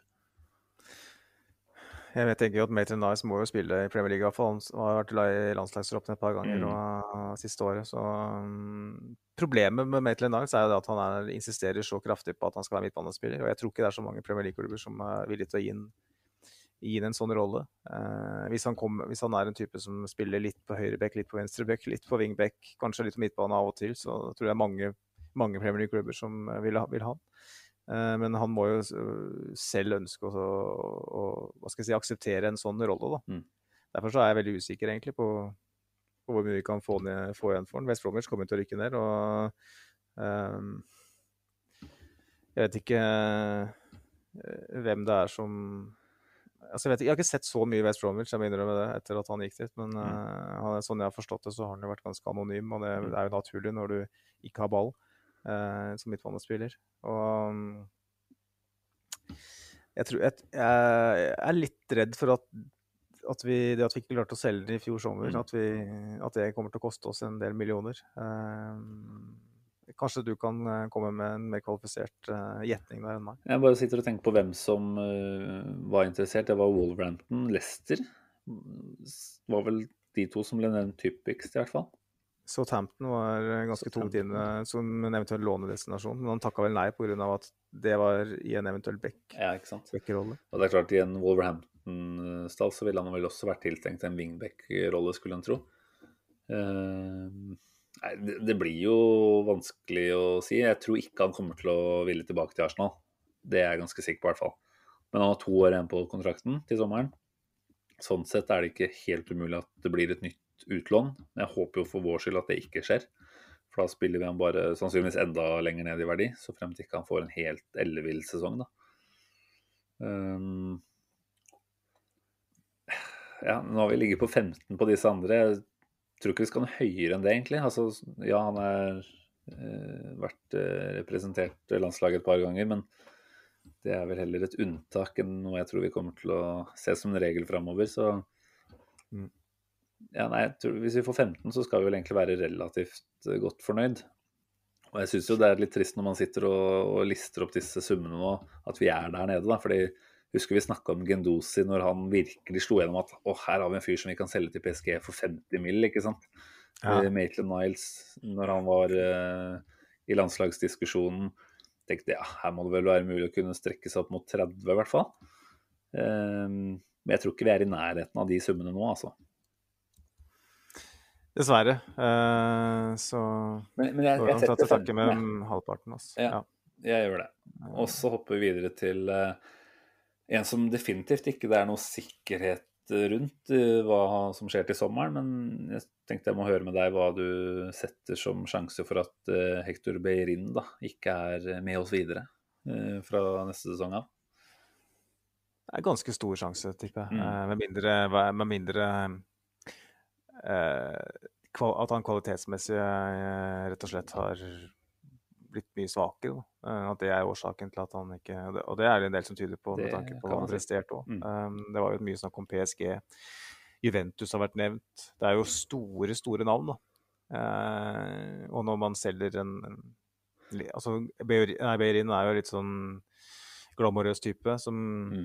eh, genererer en del utenom det sportslige òg. Så jeg tenker jo at at hvis den går til en sånn type klubb, så er det iallfall en, en 25 millioner pund mm. å kunne regne med. Ja, så tenker noe sånt. Og det, i så fall så, så, er jo det bra business for Arsenal, eh, for det er jo en spiller vi henta bortimot vederlagsfritt til Barcelona. Har sikkert betalt noen utviklingskompensasjon og sånn, men uh, han har gitt oss ganske mange gode år. Uh, han har vært en veldig god ambassadør for Arsenal. Får vi en 25, 25 millioner pund for den? Kjempebra, tenker jeg. Og det virker som virker som det, at vi er på vei dit. Og jeg, jeg tror han er mulig å, å, få litt for. Så det, det, er en av de jeg mest tror på, faktisk. Ja, jeg tenker at Berin, sånn som han har framstått nå gjennom denne sesongen, ville vært et veldig godt salg. Det virker som han har på en måte ja, gått seg litt fast i Arsenal. Altså, kanskje han trenger noe nytt, rett og slett. Han har jo vært der i ti år, vel.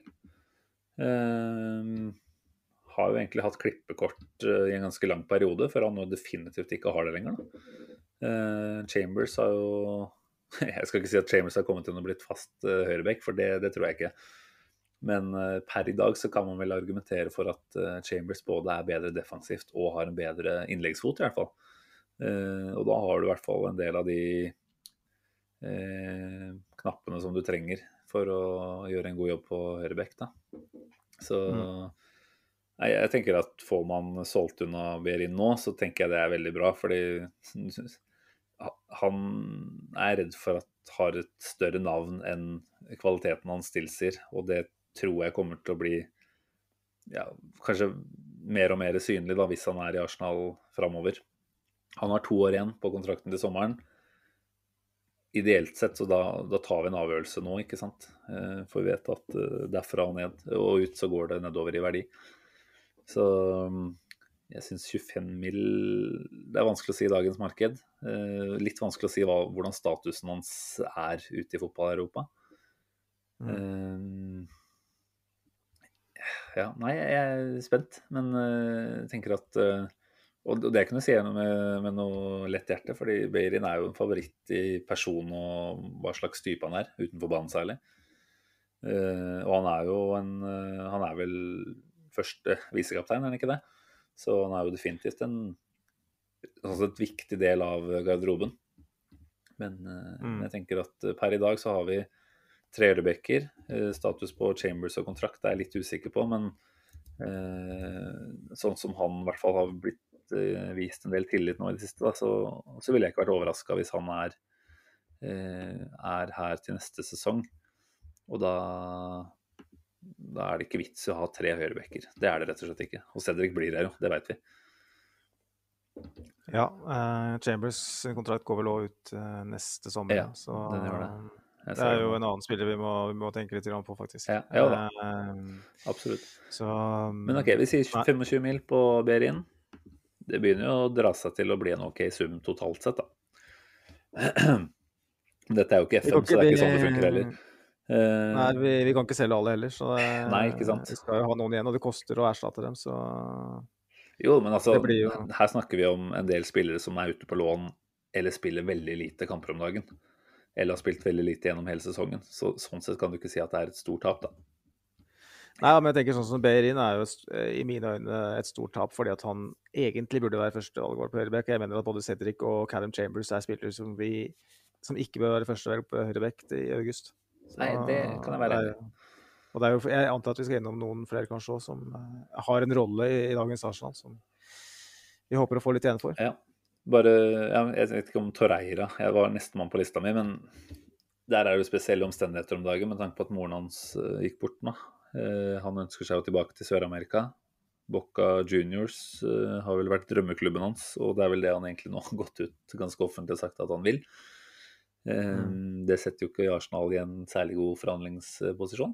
Så jeg vet ikke helt hvordan vi løser den, men det er vanskelig å se for seg at han i hvert fall blir i Arsenal og spiller noen kamper her neste sesong. Om det blir et utlån med en viss låneavgift, kanskje, da. Jeg vet ikke helt. Men nå er vel ikke argentinsk fotball kjent for å kaste ut de store pengesummene etter uh, signeringer. Så altså, jeg tenker en maksimum på ti mil der, ja, kanskje.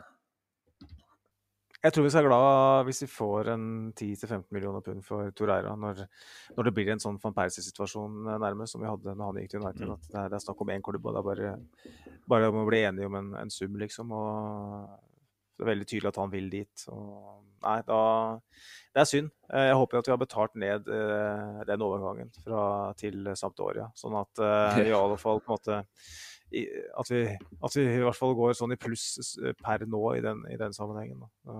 At vi kan legge det til i, i overgangsbudsjettet vårt. Mm.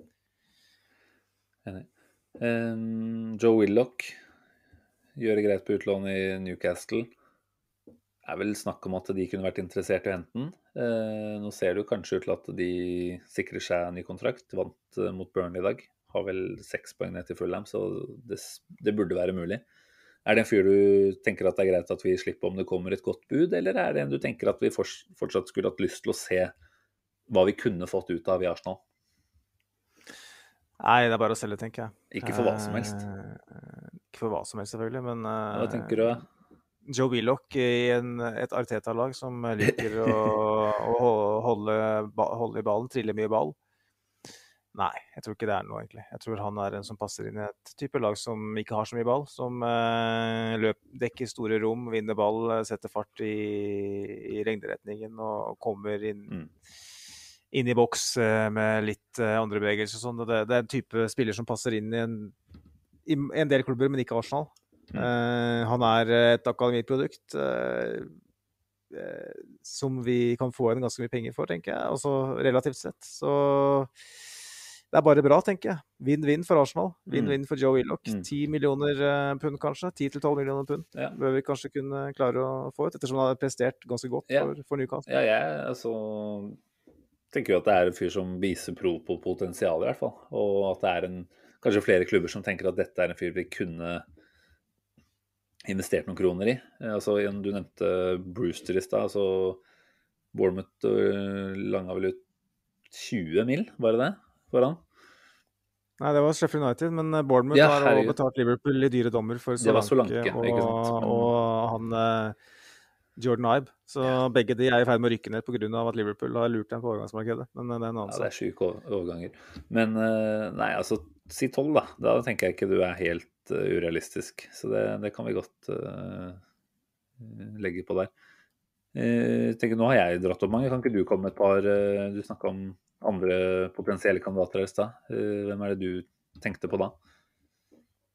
ja, det var det, da. Det, det gjelder å ta inn, inn penger, så er det kanskje, kanskje litt vanskelig. Men Callum Chambers var vi inne på. Han har vist en del gode ting på lån på andre, i andre klubber. Vist litt nå, så jeg vet ikke hva du tenker, Simen. Om det er en spiller eh, som vi kan få en litt for.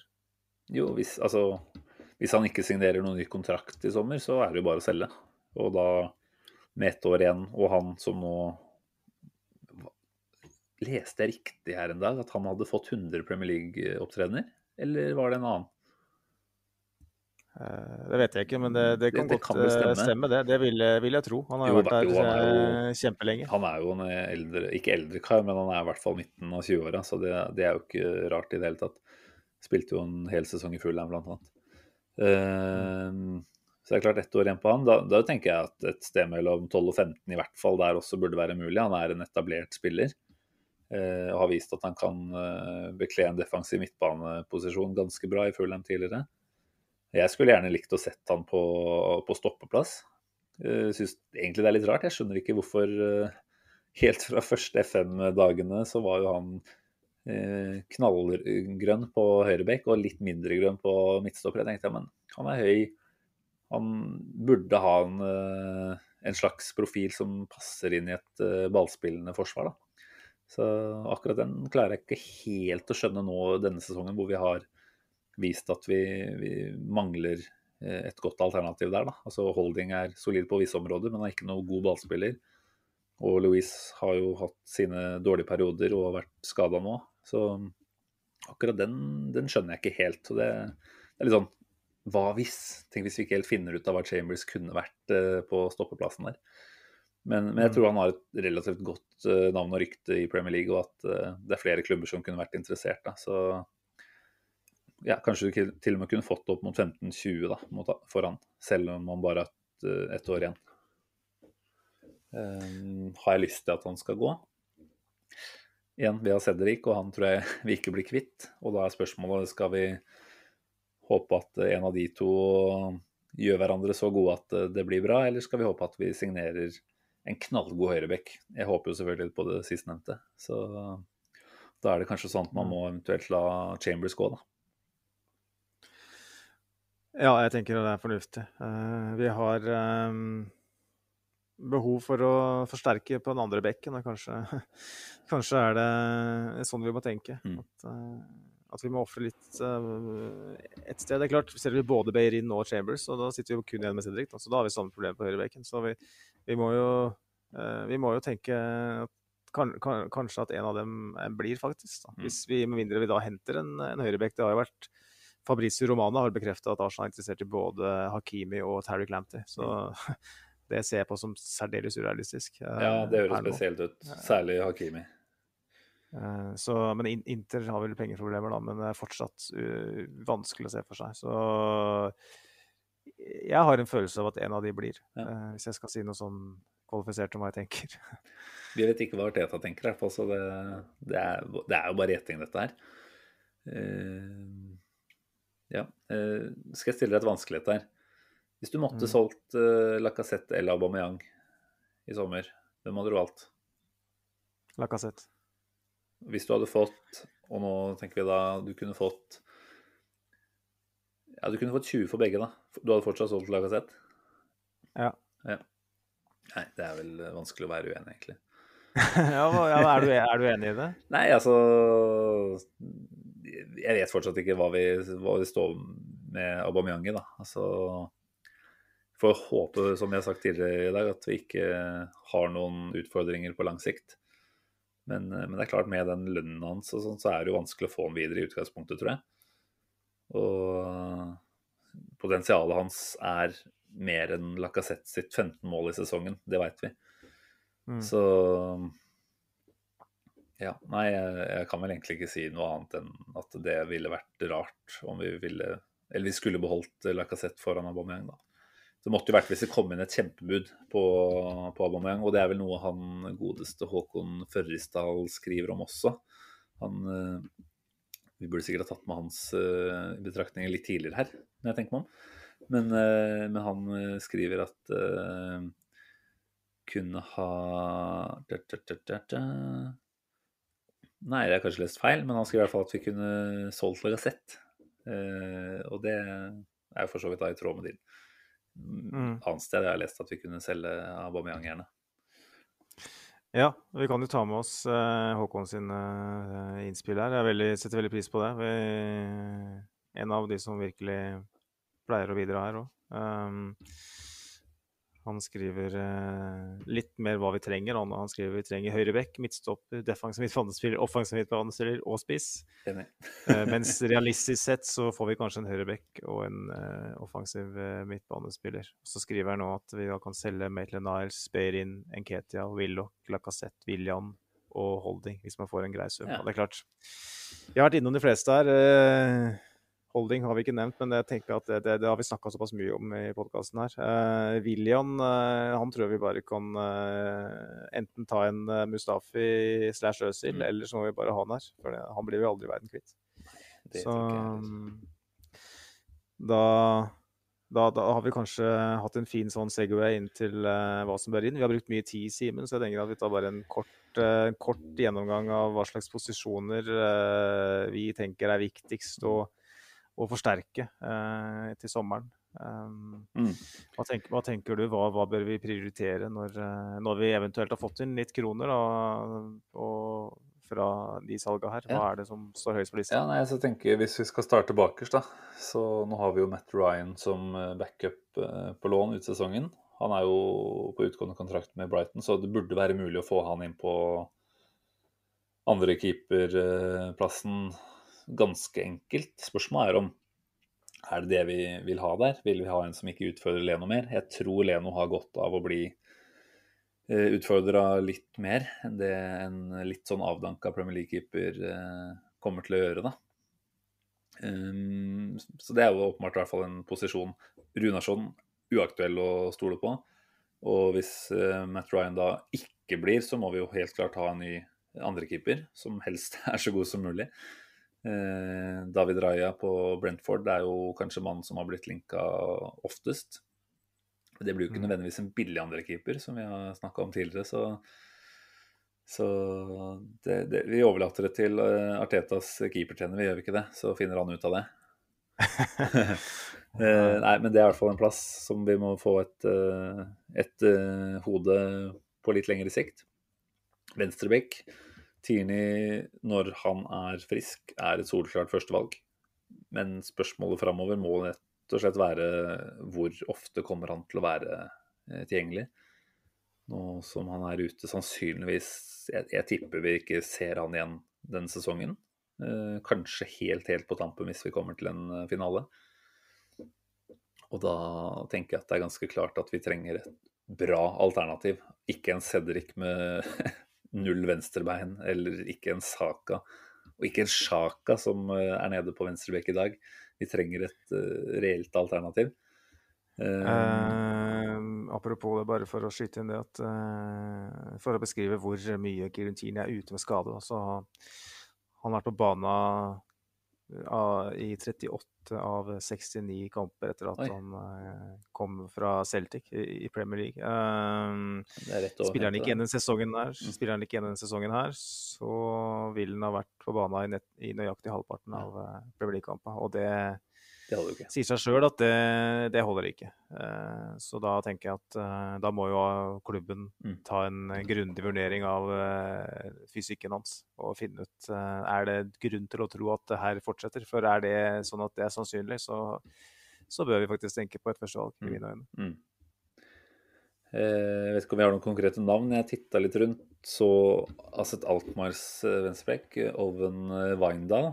Uten at jeg kan si at jeg har sett noe man framstår i hvert fall ut fra det man leser, som en temposterk, eh, god offensiv vekk. Vanskelig selvfølgelig å si når du kommer fra nederlandsk fotball, hvor mye du har å fare med defensivt, kanskje.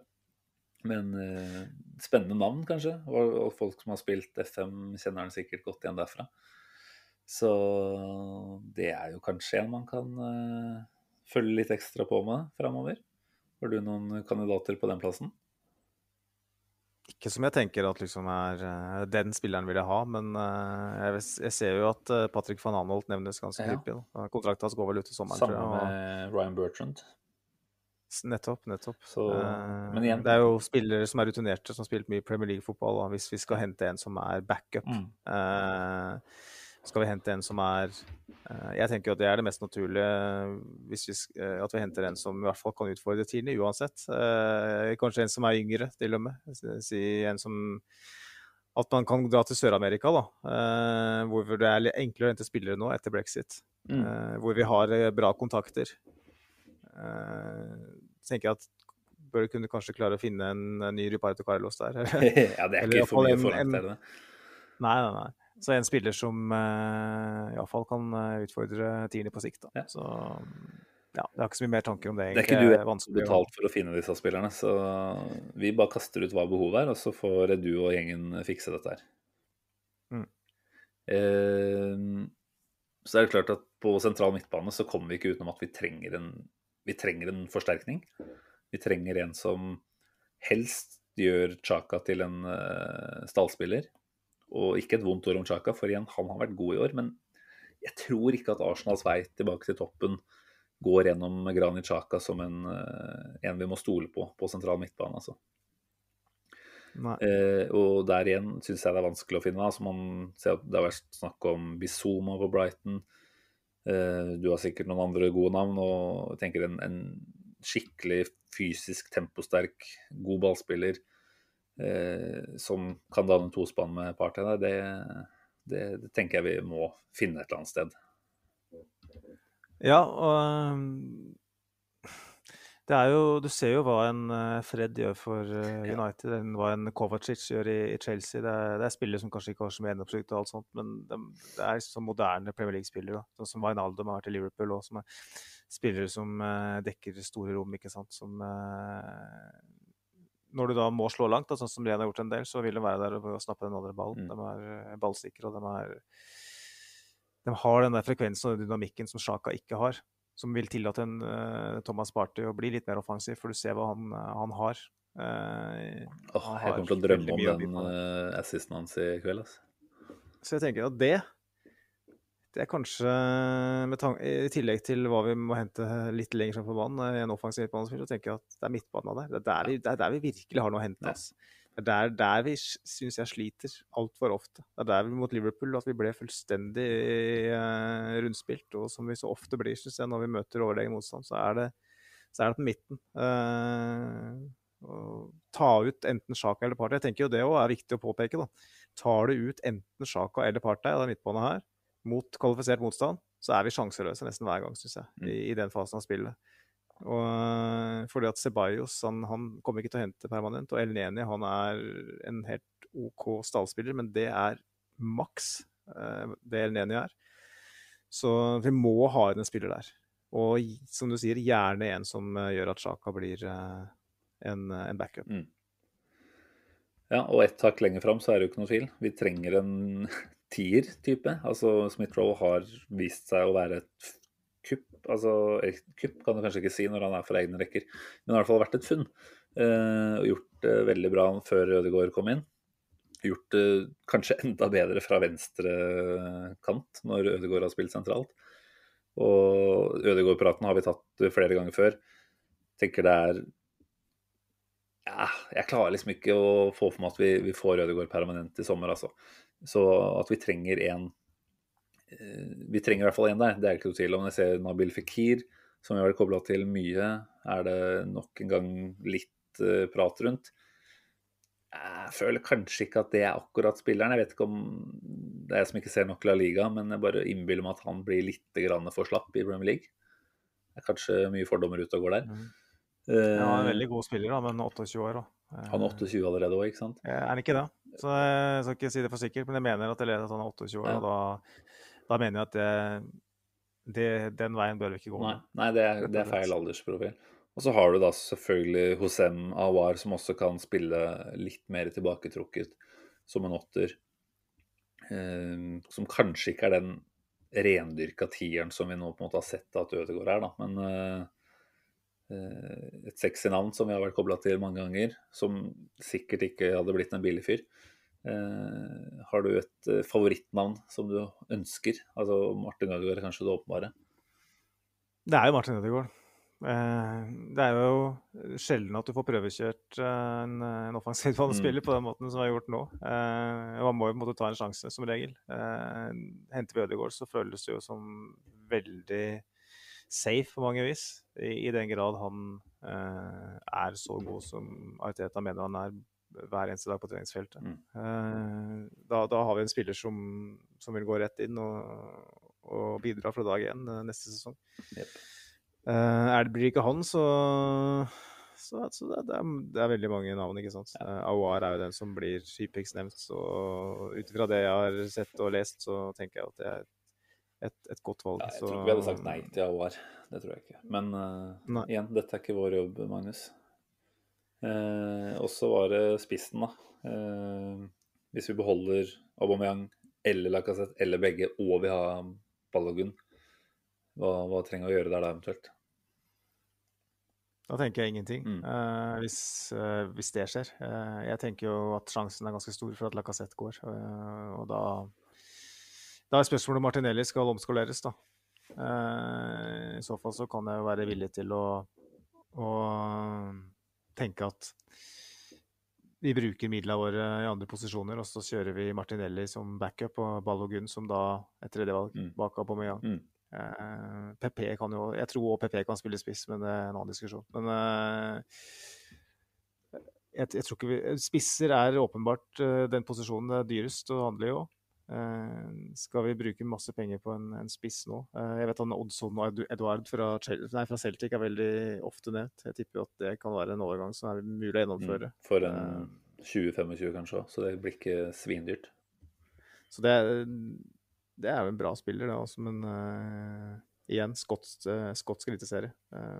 jeg, jeg, hva, hva, Kieran hva er det slags Yes. yes, det er et poeng, men Nei, uh, igjen, jeg, jeg, jeg, har ikke lyst til å drive og Nei. si hvem jeg tenker er, Nei, den beste spilleren. og sånn. Det, det, er vanskelig. Det, jo, det er noe sånn åpenbar, ikke sant? sånn som du sier, Bizoma eh, på midten. er veldig... Jeg ser veldig mye mer Premier League enn jeg ser andre, ja. andre ligaer. Såpass ærlig skal jeg være. Så uh, jeg, jeg, tenker at, uh, at klubben må Klubben må være smart og må hente spillere i, i det rette alderssegmentet som har videresalgsverdi potensielt, potensielt sett. Som har og det viktigste for meg er, uh, før vi går videre, det er at uh, klubben gjør grundig mm. research, research, på personlighet. Innpass i spillergruppa.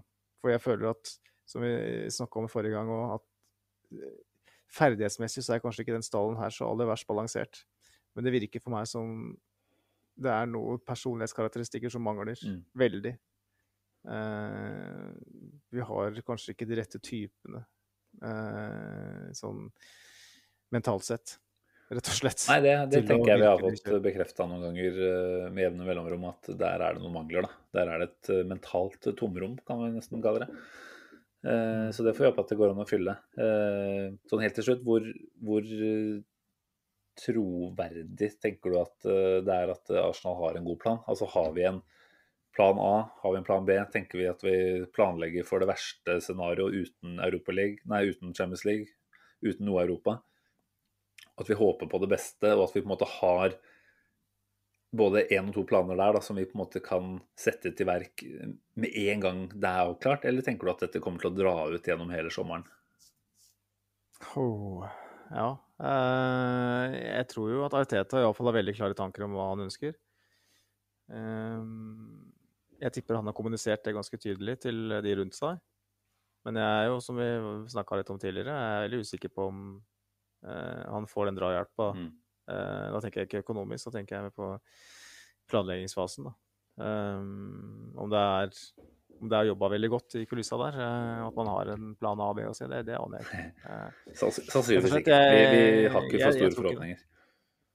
Så det gjelder, må jeg bare spørre deg, da. Én ting jeg føler vi har glemt her, og det er jo eh, stopperplassen. Mm. Eh, vi har mange stoppere, men eh, i mine øyne så har vi én veldig god midtstopper, sånn potensielt sett, i, Gabriel, Mm. som trenger Jeg syns vi ser veldig tydelig trenger en leder ved sin side.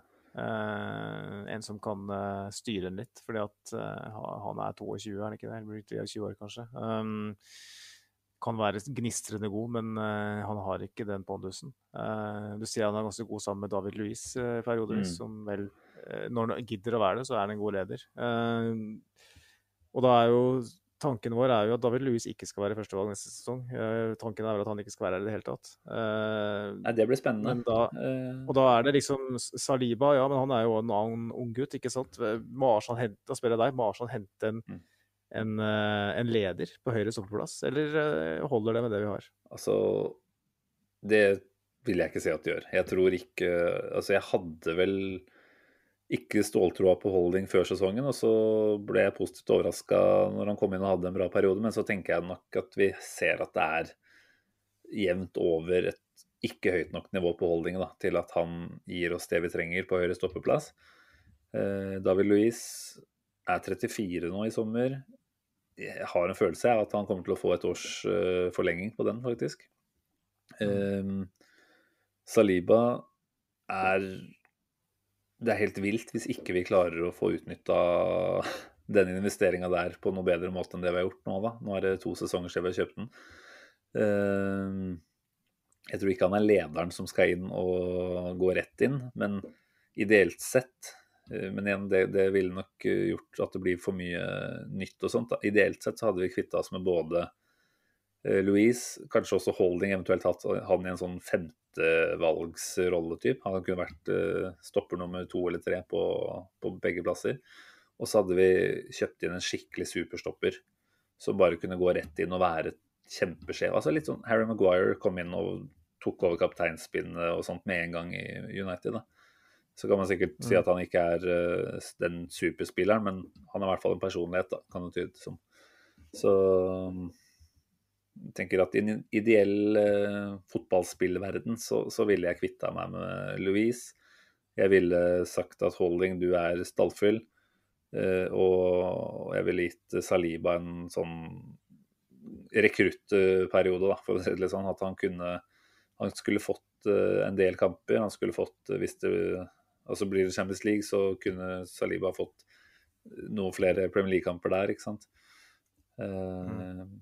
Det er kriminelt hvis vi ikke klarer å få mer eller få noe i det hele tatt ut av Saliba. Så det håper jeg i hvert fall vi gjør. Men å på en måte tro at han skal komme inn og ta over den høyre stopperrollen, det, det tror jeg nok blir å håpe på for mye.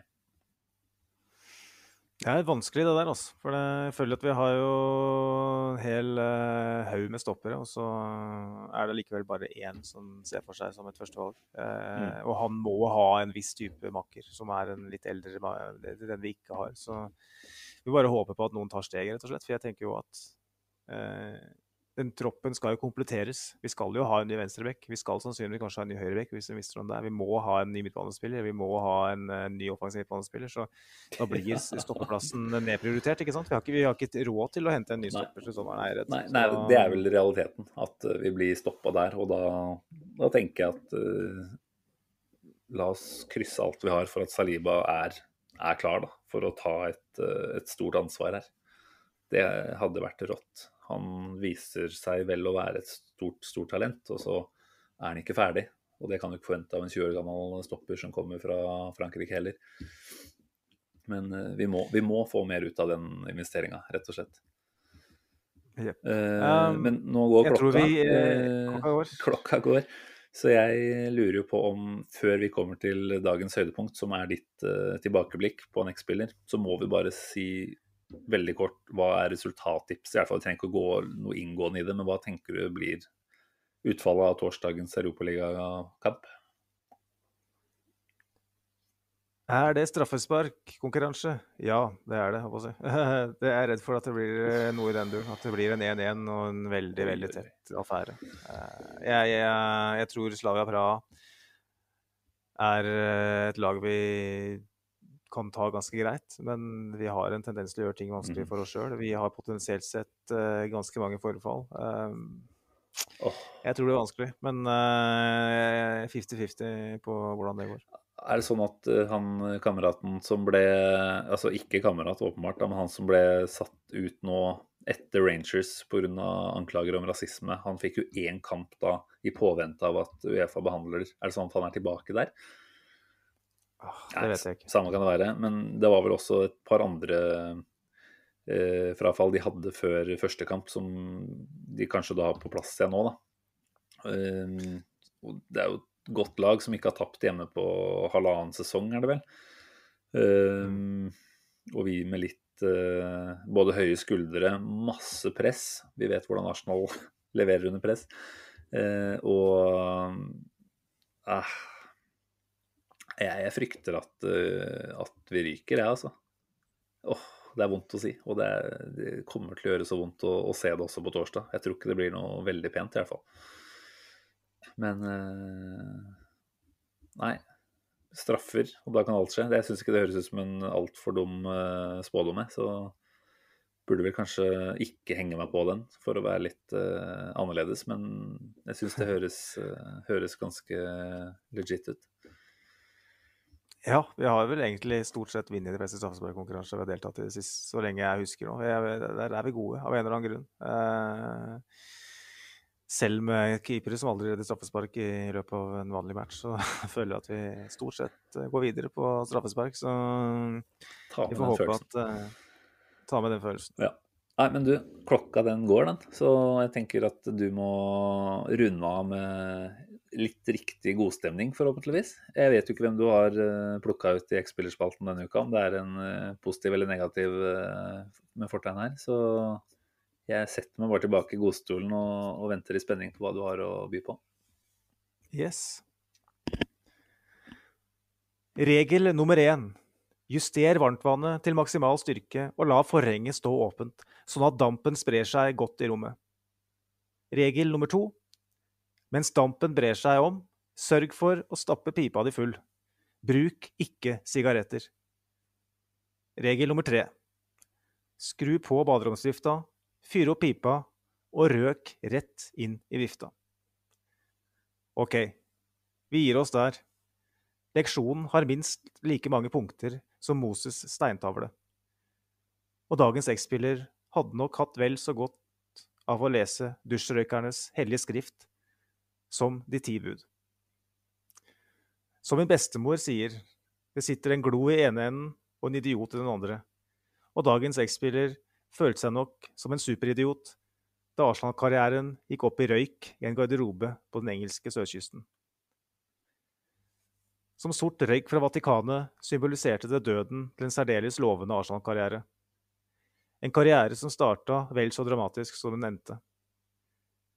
Idet han som porung blekksprut nærma seg førstelagsdiskusjon, ville han på velkjent vis sjekke seg litt i vektrommet. Med litt for mye vekt på stanga endte han opp med brudd i begge armene. Som en kanopadler uten årer var han redd for at karrieren ville drifte ut i evigheten. Men dagens X-spiller fikk raskt orden på sine to viktigste verktøy, og kun et par år senere fikk han sjansen da en spansk hovmester med såpete grytevotter måtte kaste inn forkleet og den talentfulle burvokteren så seg aldri tilbake. Etter å ha blitt kasta inn mot Manchester United på Old Trafford tok han umiddelbart over som førstekeeper for Arsenal. Et par måneder senere sto han mellom stengene på Wembley. Og selv om han denne dagen hadde en prominent rolle i det mest klassiske Fridtjof Humlesnø-blikket i moderne Arsenal-tid, lot han seg ikke affektere av det. Da 48 år gamle Obafemi Martins dansa av gårde tenkte nok mange at unggutten ville få en knekk. Men dette var en keeper med keepermentalitet. En verdig Lehmann-etterfølger. Endelig. Sesongen etter, som 21-åring, starta han sesongen som ubestridt førstevalg. Med det forbehold om at keepere gjerne ikke piker før de nærmer seg 30, var entusiasmen ellevill for Arsenals skuddstopper. Et høydepunkt som må nevnes av denne sesongen, er bortekampen mot Liverpool. Etter at bitevillige Louis Suárez på kjent vis la inn en kjempesøknad om å delta i Skal vi stupe, fikk Dirk Coit sjansen fra 11 meter. Dobbeltredningen som fulgte, særlig da han på umulig vis fista ut returen fra innersida av stolperoten, lever friskt i minne. En matchavgjørende kjempeprestasjon som sørga for at vi for en sjelden gang kunne feire tre poeng på Anfield. Etter et par sesonger som førstevalg fikk han endelig spille bak et velfungerende forsvar også. Mørte Shelny moppa opp og sørga for at han fikk mindre å hanskes med. Da fikk vi virkelig se at han mestra å være påskrudd i kamper hvor det var mindre å gjøre. Et viktig steg for en keeper med ambisjoner om å kjempe om de største trofeene. I 2013-14-sesongen mottok han den prestisjetunge gullhansken etter å ha holdt nullen hele 16 ganger. En utopi for stakkars Bernt Leno. Sesongen etter begynte imidlertid ting å stokke seg litt for dagens X-spiller. Kanskje mista han litt fokus da tabloidene unison tylla ham. Kanskje ble han og Jack Wilshere litt for gode romkamerater. Uansett, etter to, etter to gigatabber mot Southampton i januar fyrte han opp en kreftpinne i garderoben og tok verdenshistoriens kanskje dyreste magedrag. 20 000 pund for et blås er heftig. Og kanskje enda verre var det at han mista hanskene den kortvokst, kronisk skada mann som sto en halv meter bak streken på hjørnespark. Tross en fortjent opptreden i FA-cupfinalen, da han endelig fikk gravlagt Martins og Wembley-spøkelse, var skriften på veggen skrikende tydelig. Wenger hadde fått nok. Ferden gikk til Serie A og Roma på lån etter at Arsenal denne sommeren offisielt åpna sitt velkjente rekreasjonshjem for avdankede Chelsea-spillere.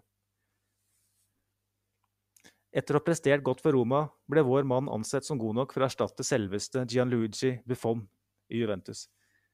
En større tillitserklæring kan neppe en skuddstopper få, og den gjerrige, gamle damen åpna pungen og rista ut litt vekslepenger for en av Europas største keepertalenter. Arsenal er ikke fremmed for litt kritikkverdig business, og lot gutten med gullhansken dampe av gårde sørover.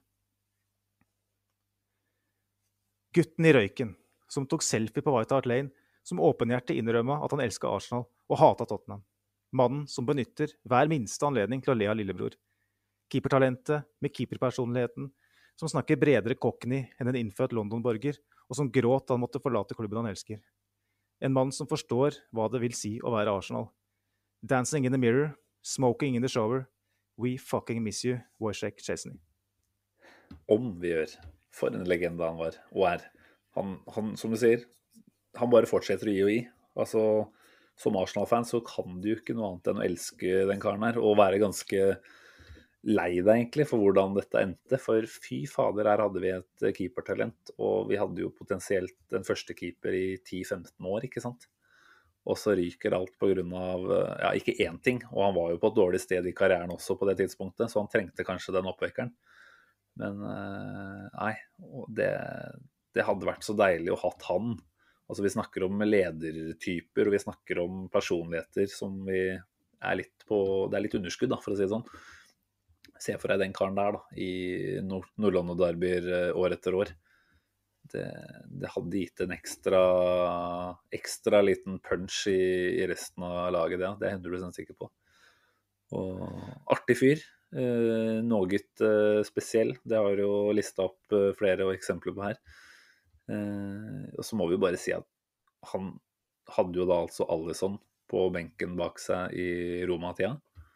Og det var vel da sesongen etter at Chesney gikk for Vara 7-8 millioner eller noe sånt til Juventus så går Alison for 60-70 til Liverpool. Verden er sjuk. Eller Arsenals ja, det... overgangspolitikk er sjuk. Det er vel egentlig det som er problemet.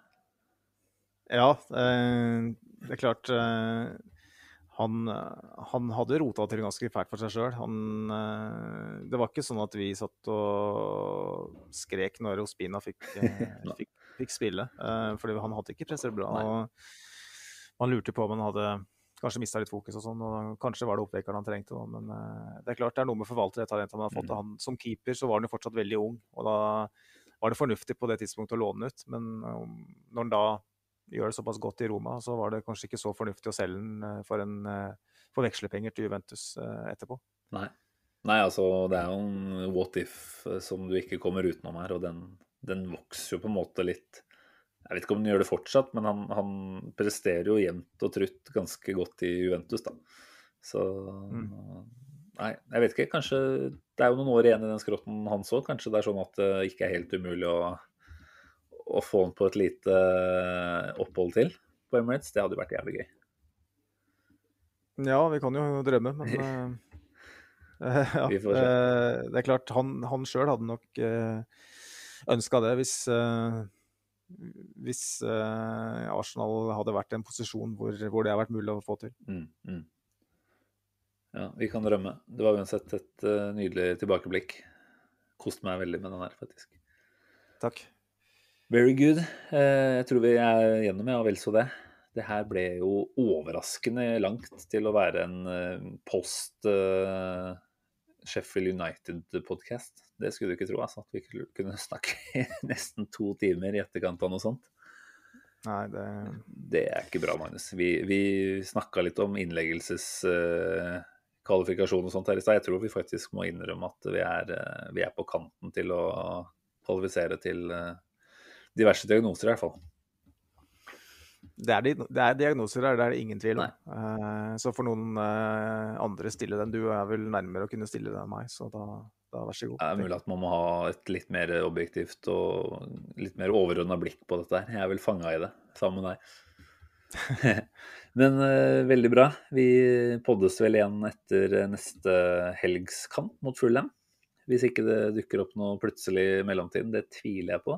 Det er en hektisk arbeidsuke foran oss, så vi får prøve å la Arsenal være Arsenal. Bare la oss eh, kose oss med dem nå på torsdag, og så kan vi prate oss i hjel igjen til, til neste uke.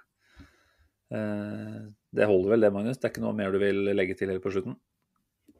Nei, Nei. ta, ta også Runde av. Vi runder av. Runde av greia, og tenk, tenk minst mulig på torsdagen, eh, så blir det god natts søvn. Eh, ja, nei, men det er bra. Vi setter jo stor pris på at uh, alle som hører på oss, uh, enten bidrar med kommentarer, innspill. Veldig, veldig fint. Uh, om dere er innom Facebook-siden vår og gir oss en like der, eller en follow på Twitter, så setter vi pris på det. Og eh, da sier vi vel egentlig bare takk for at du putta oss i ørene, og så høres vi igjen om ikke altfor lenge. Ha det bra. Ha det.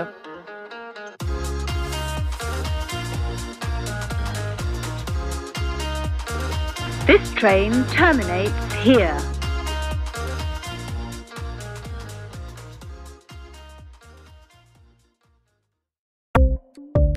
Ukens annonsør er HelloFresh. HelloFresh er verdens ledende matkasseleverandør og kan være redningen i en travel hverdag. Mange av oss har nok vandret i butikken både sultne og uten en plan for middagen, som ender med at vi går for de samme kjedelige rettene gang på gang. Middag burde være dagens høydepunkt. Som HelloFresh kan du nå velge mellom 25 ulike retter hver eneste uke, eller få HelloFresh til å sette sammen menyen for deg. Dette gir deg muligheten til å prøve nye og spennende retter alene eller sammen med familien. Du velger antall porsjoner og får alt levert på døren på et tidspunkt som passer for deg. Oppskriftene er enkle, og maten er lett å lage både for store og for små. Ved å få alt levert hjem får du også mer tid til å dele matgleden med familie og venner. Kanskje det frister med asiatiske tacos eller greskinspirert kylling? Da kan jeg anbefale deg om å gå inn på hellofresh.no. Her kan du bruke koden FOTBALL og få opptil 1779 kroner i rabatt på de første fem matkastene hvis du ikke har prøvd HelloFresh tidligere. Du kan også bruke rabatten hvis du har vært kunde og stoppet abonnementet ditt for tolv måneder siden eller lengre. Gå inn på hellofresh.no og bruk koden FOTBALL. Har du et enkeltpersonforetak eller en liten bedrift? Da er du sikkert lei av å høre meg snakke om hvor enkelt det er med kvitteringer og bilag i fiken, så vi eh, gir oss her, vi. Fordi vi liker enkelt. Fiken superenkelt regnskap.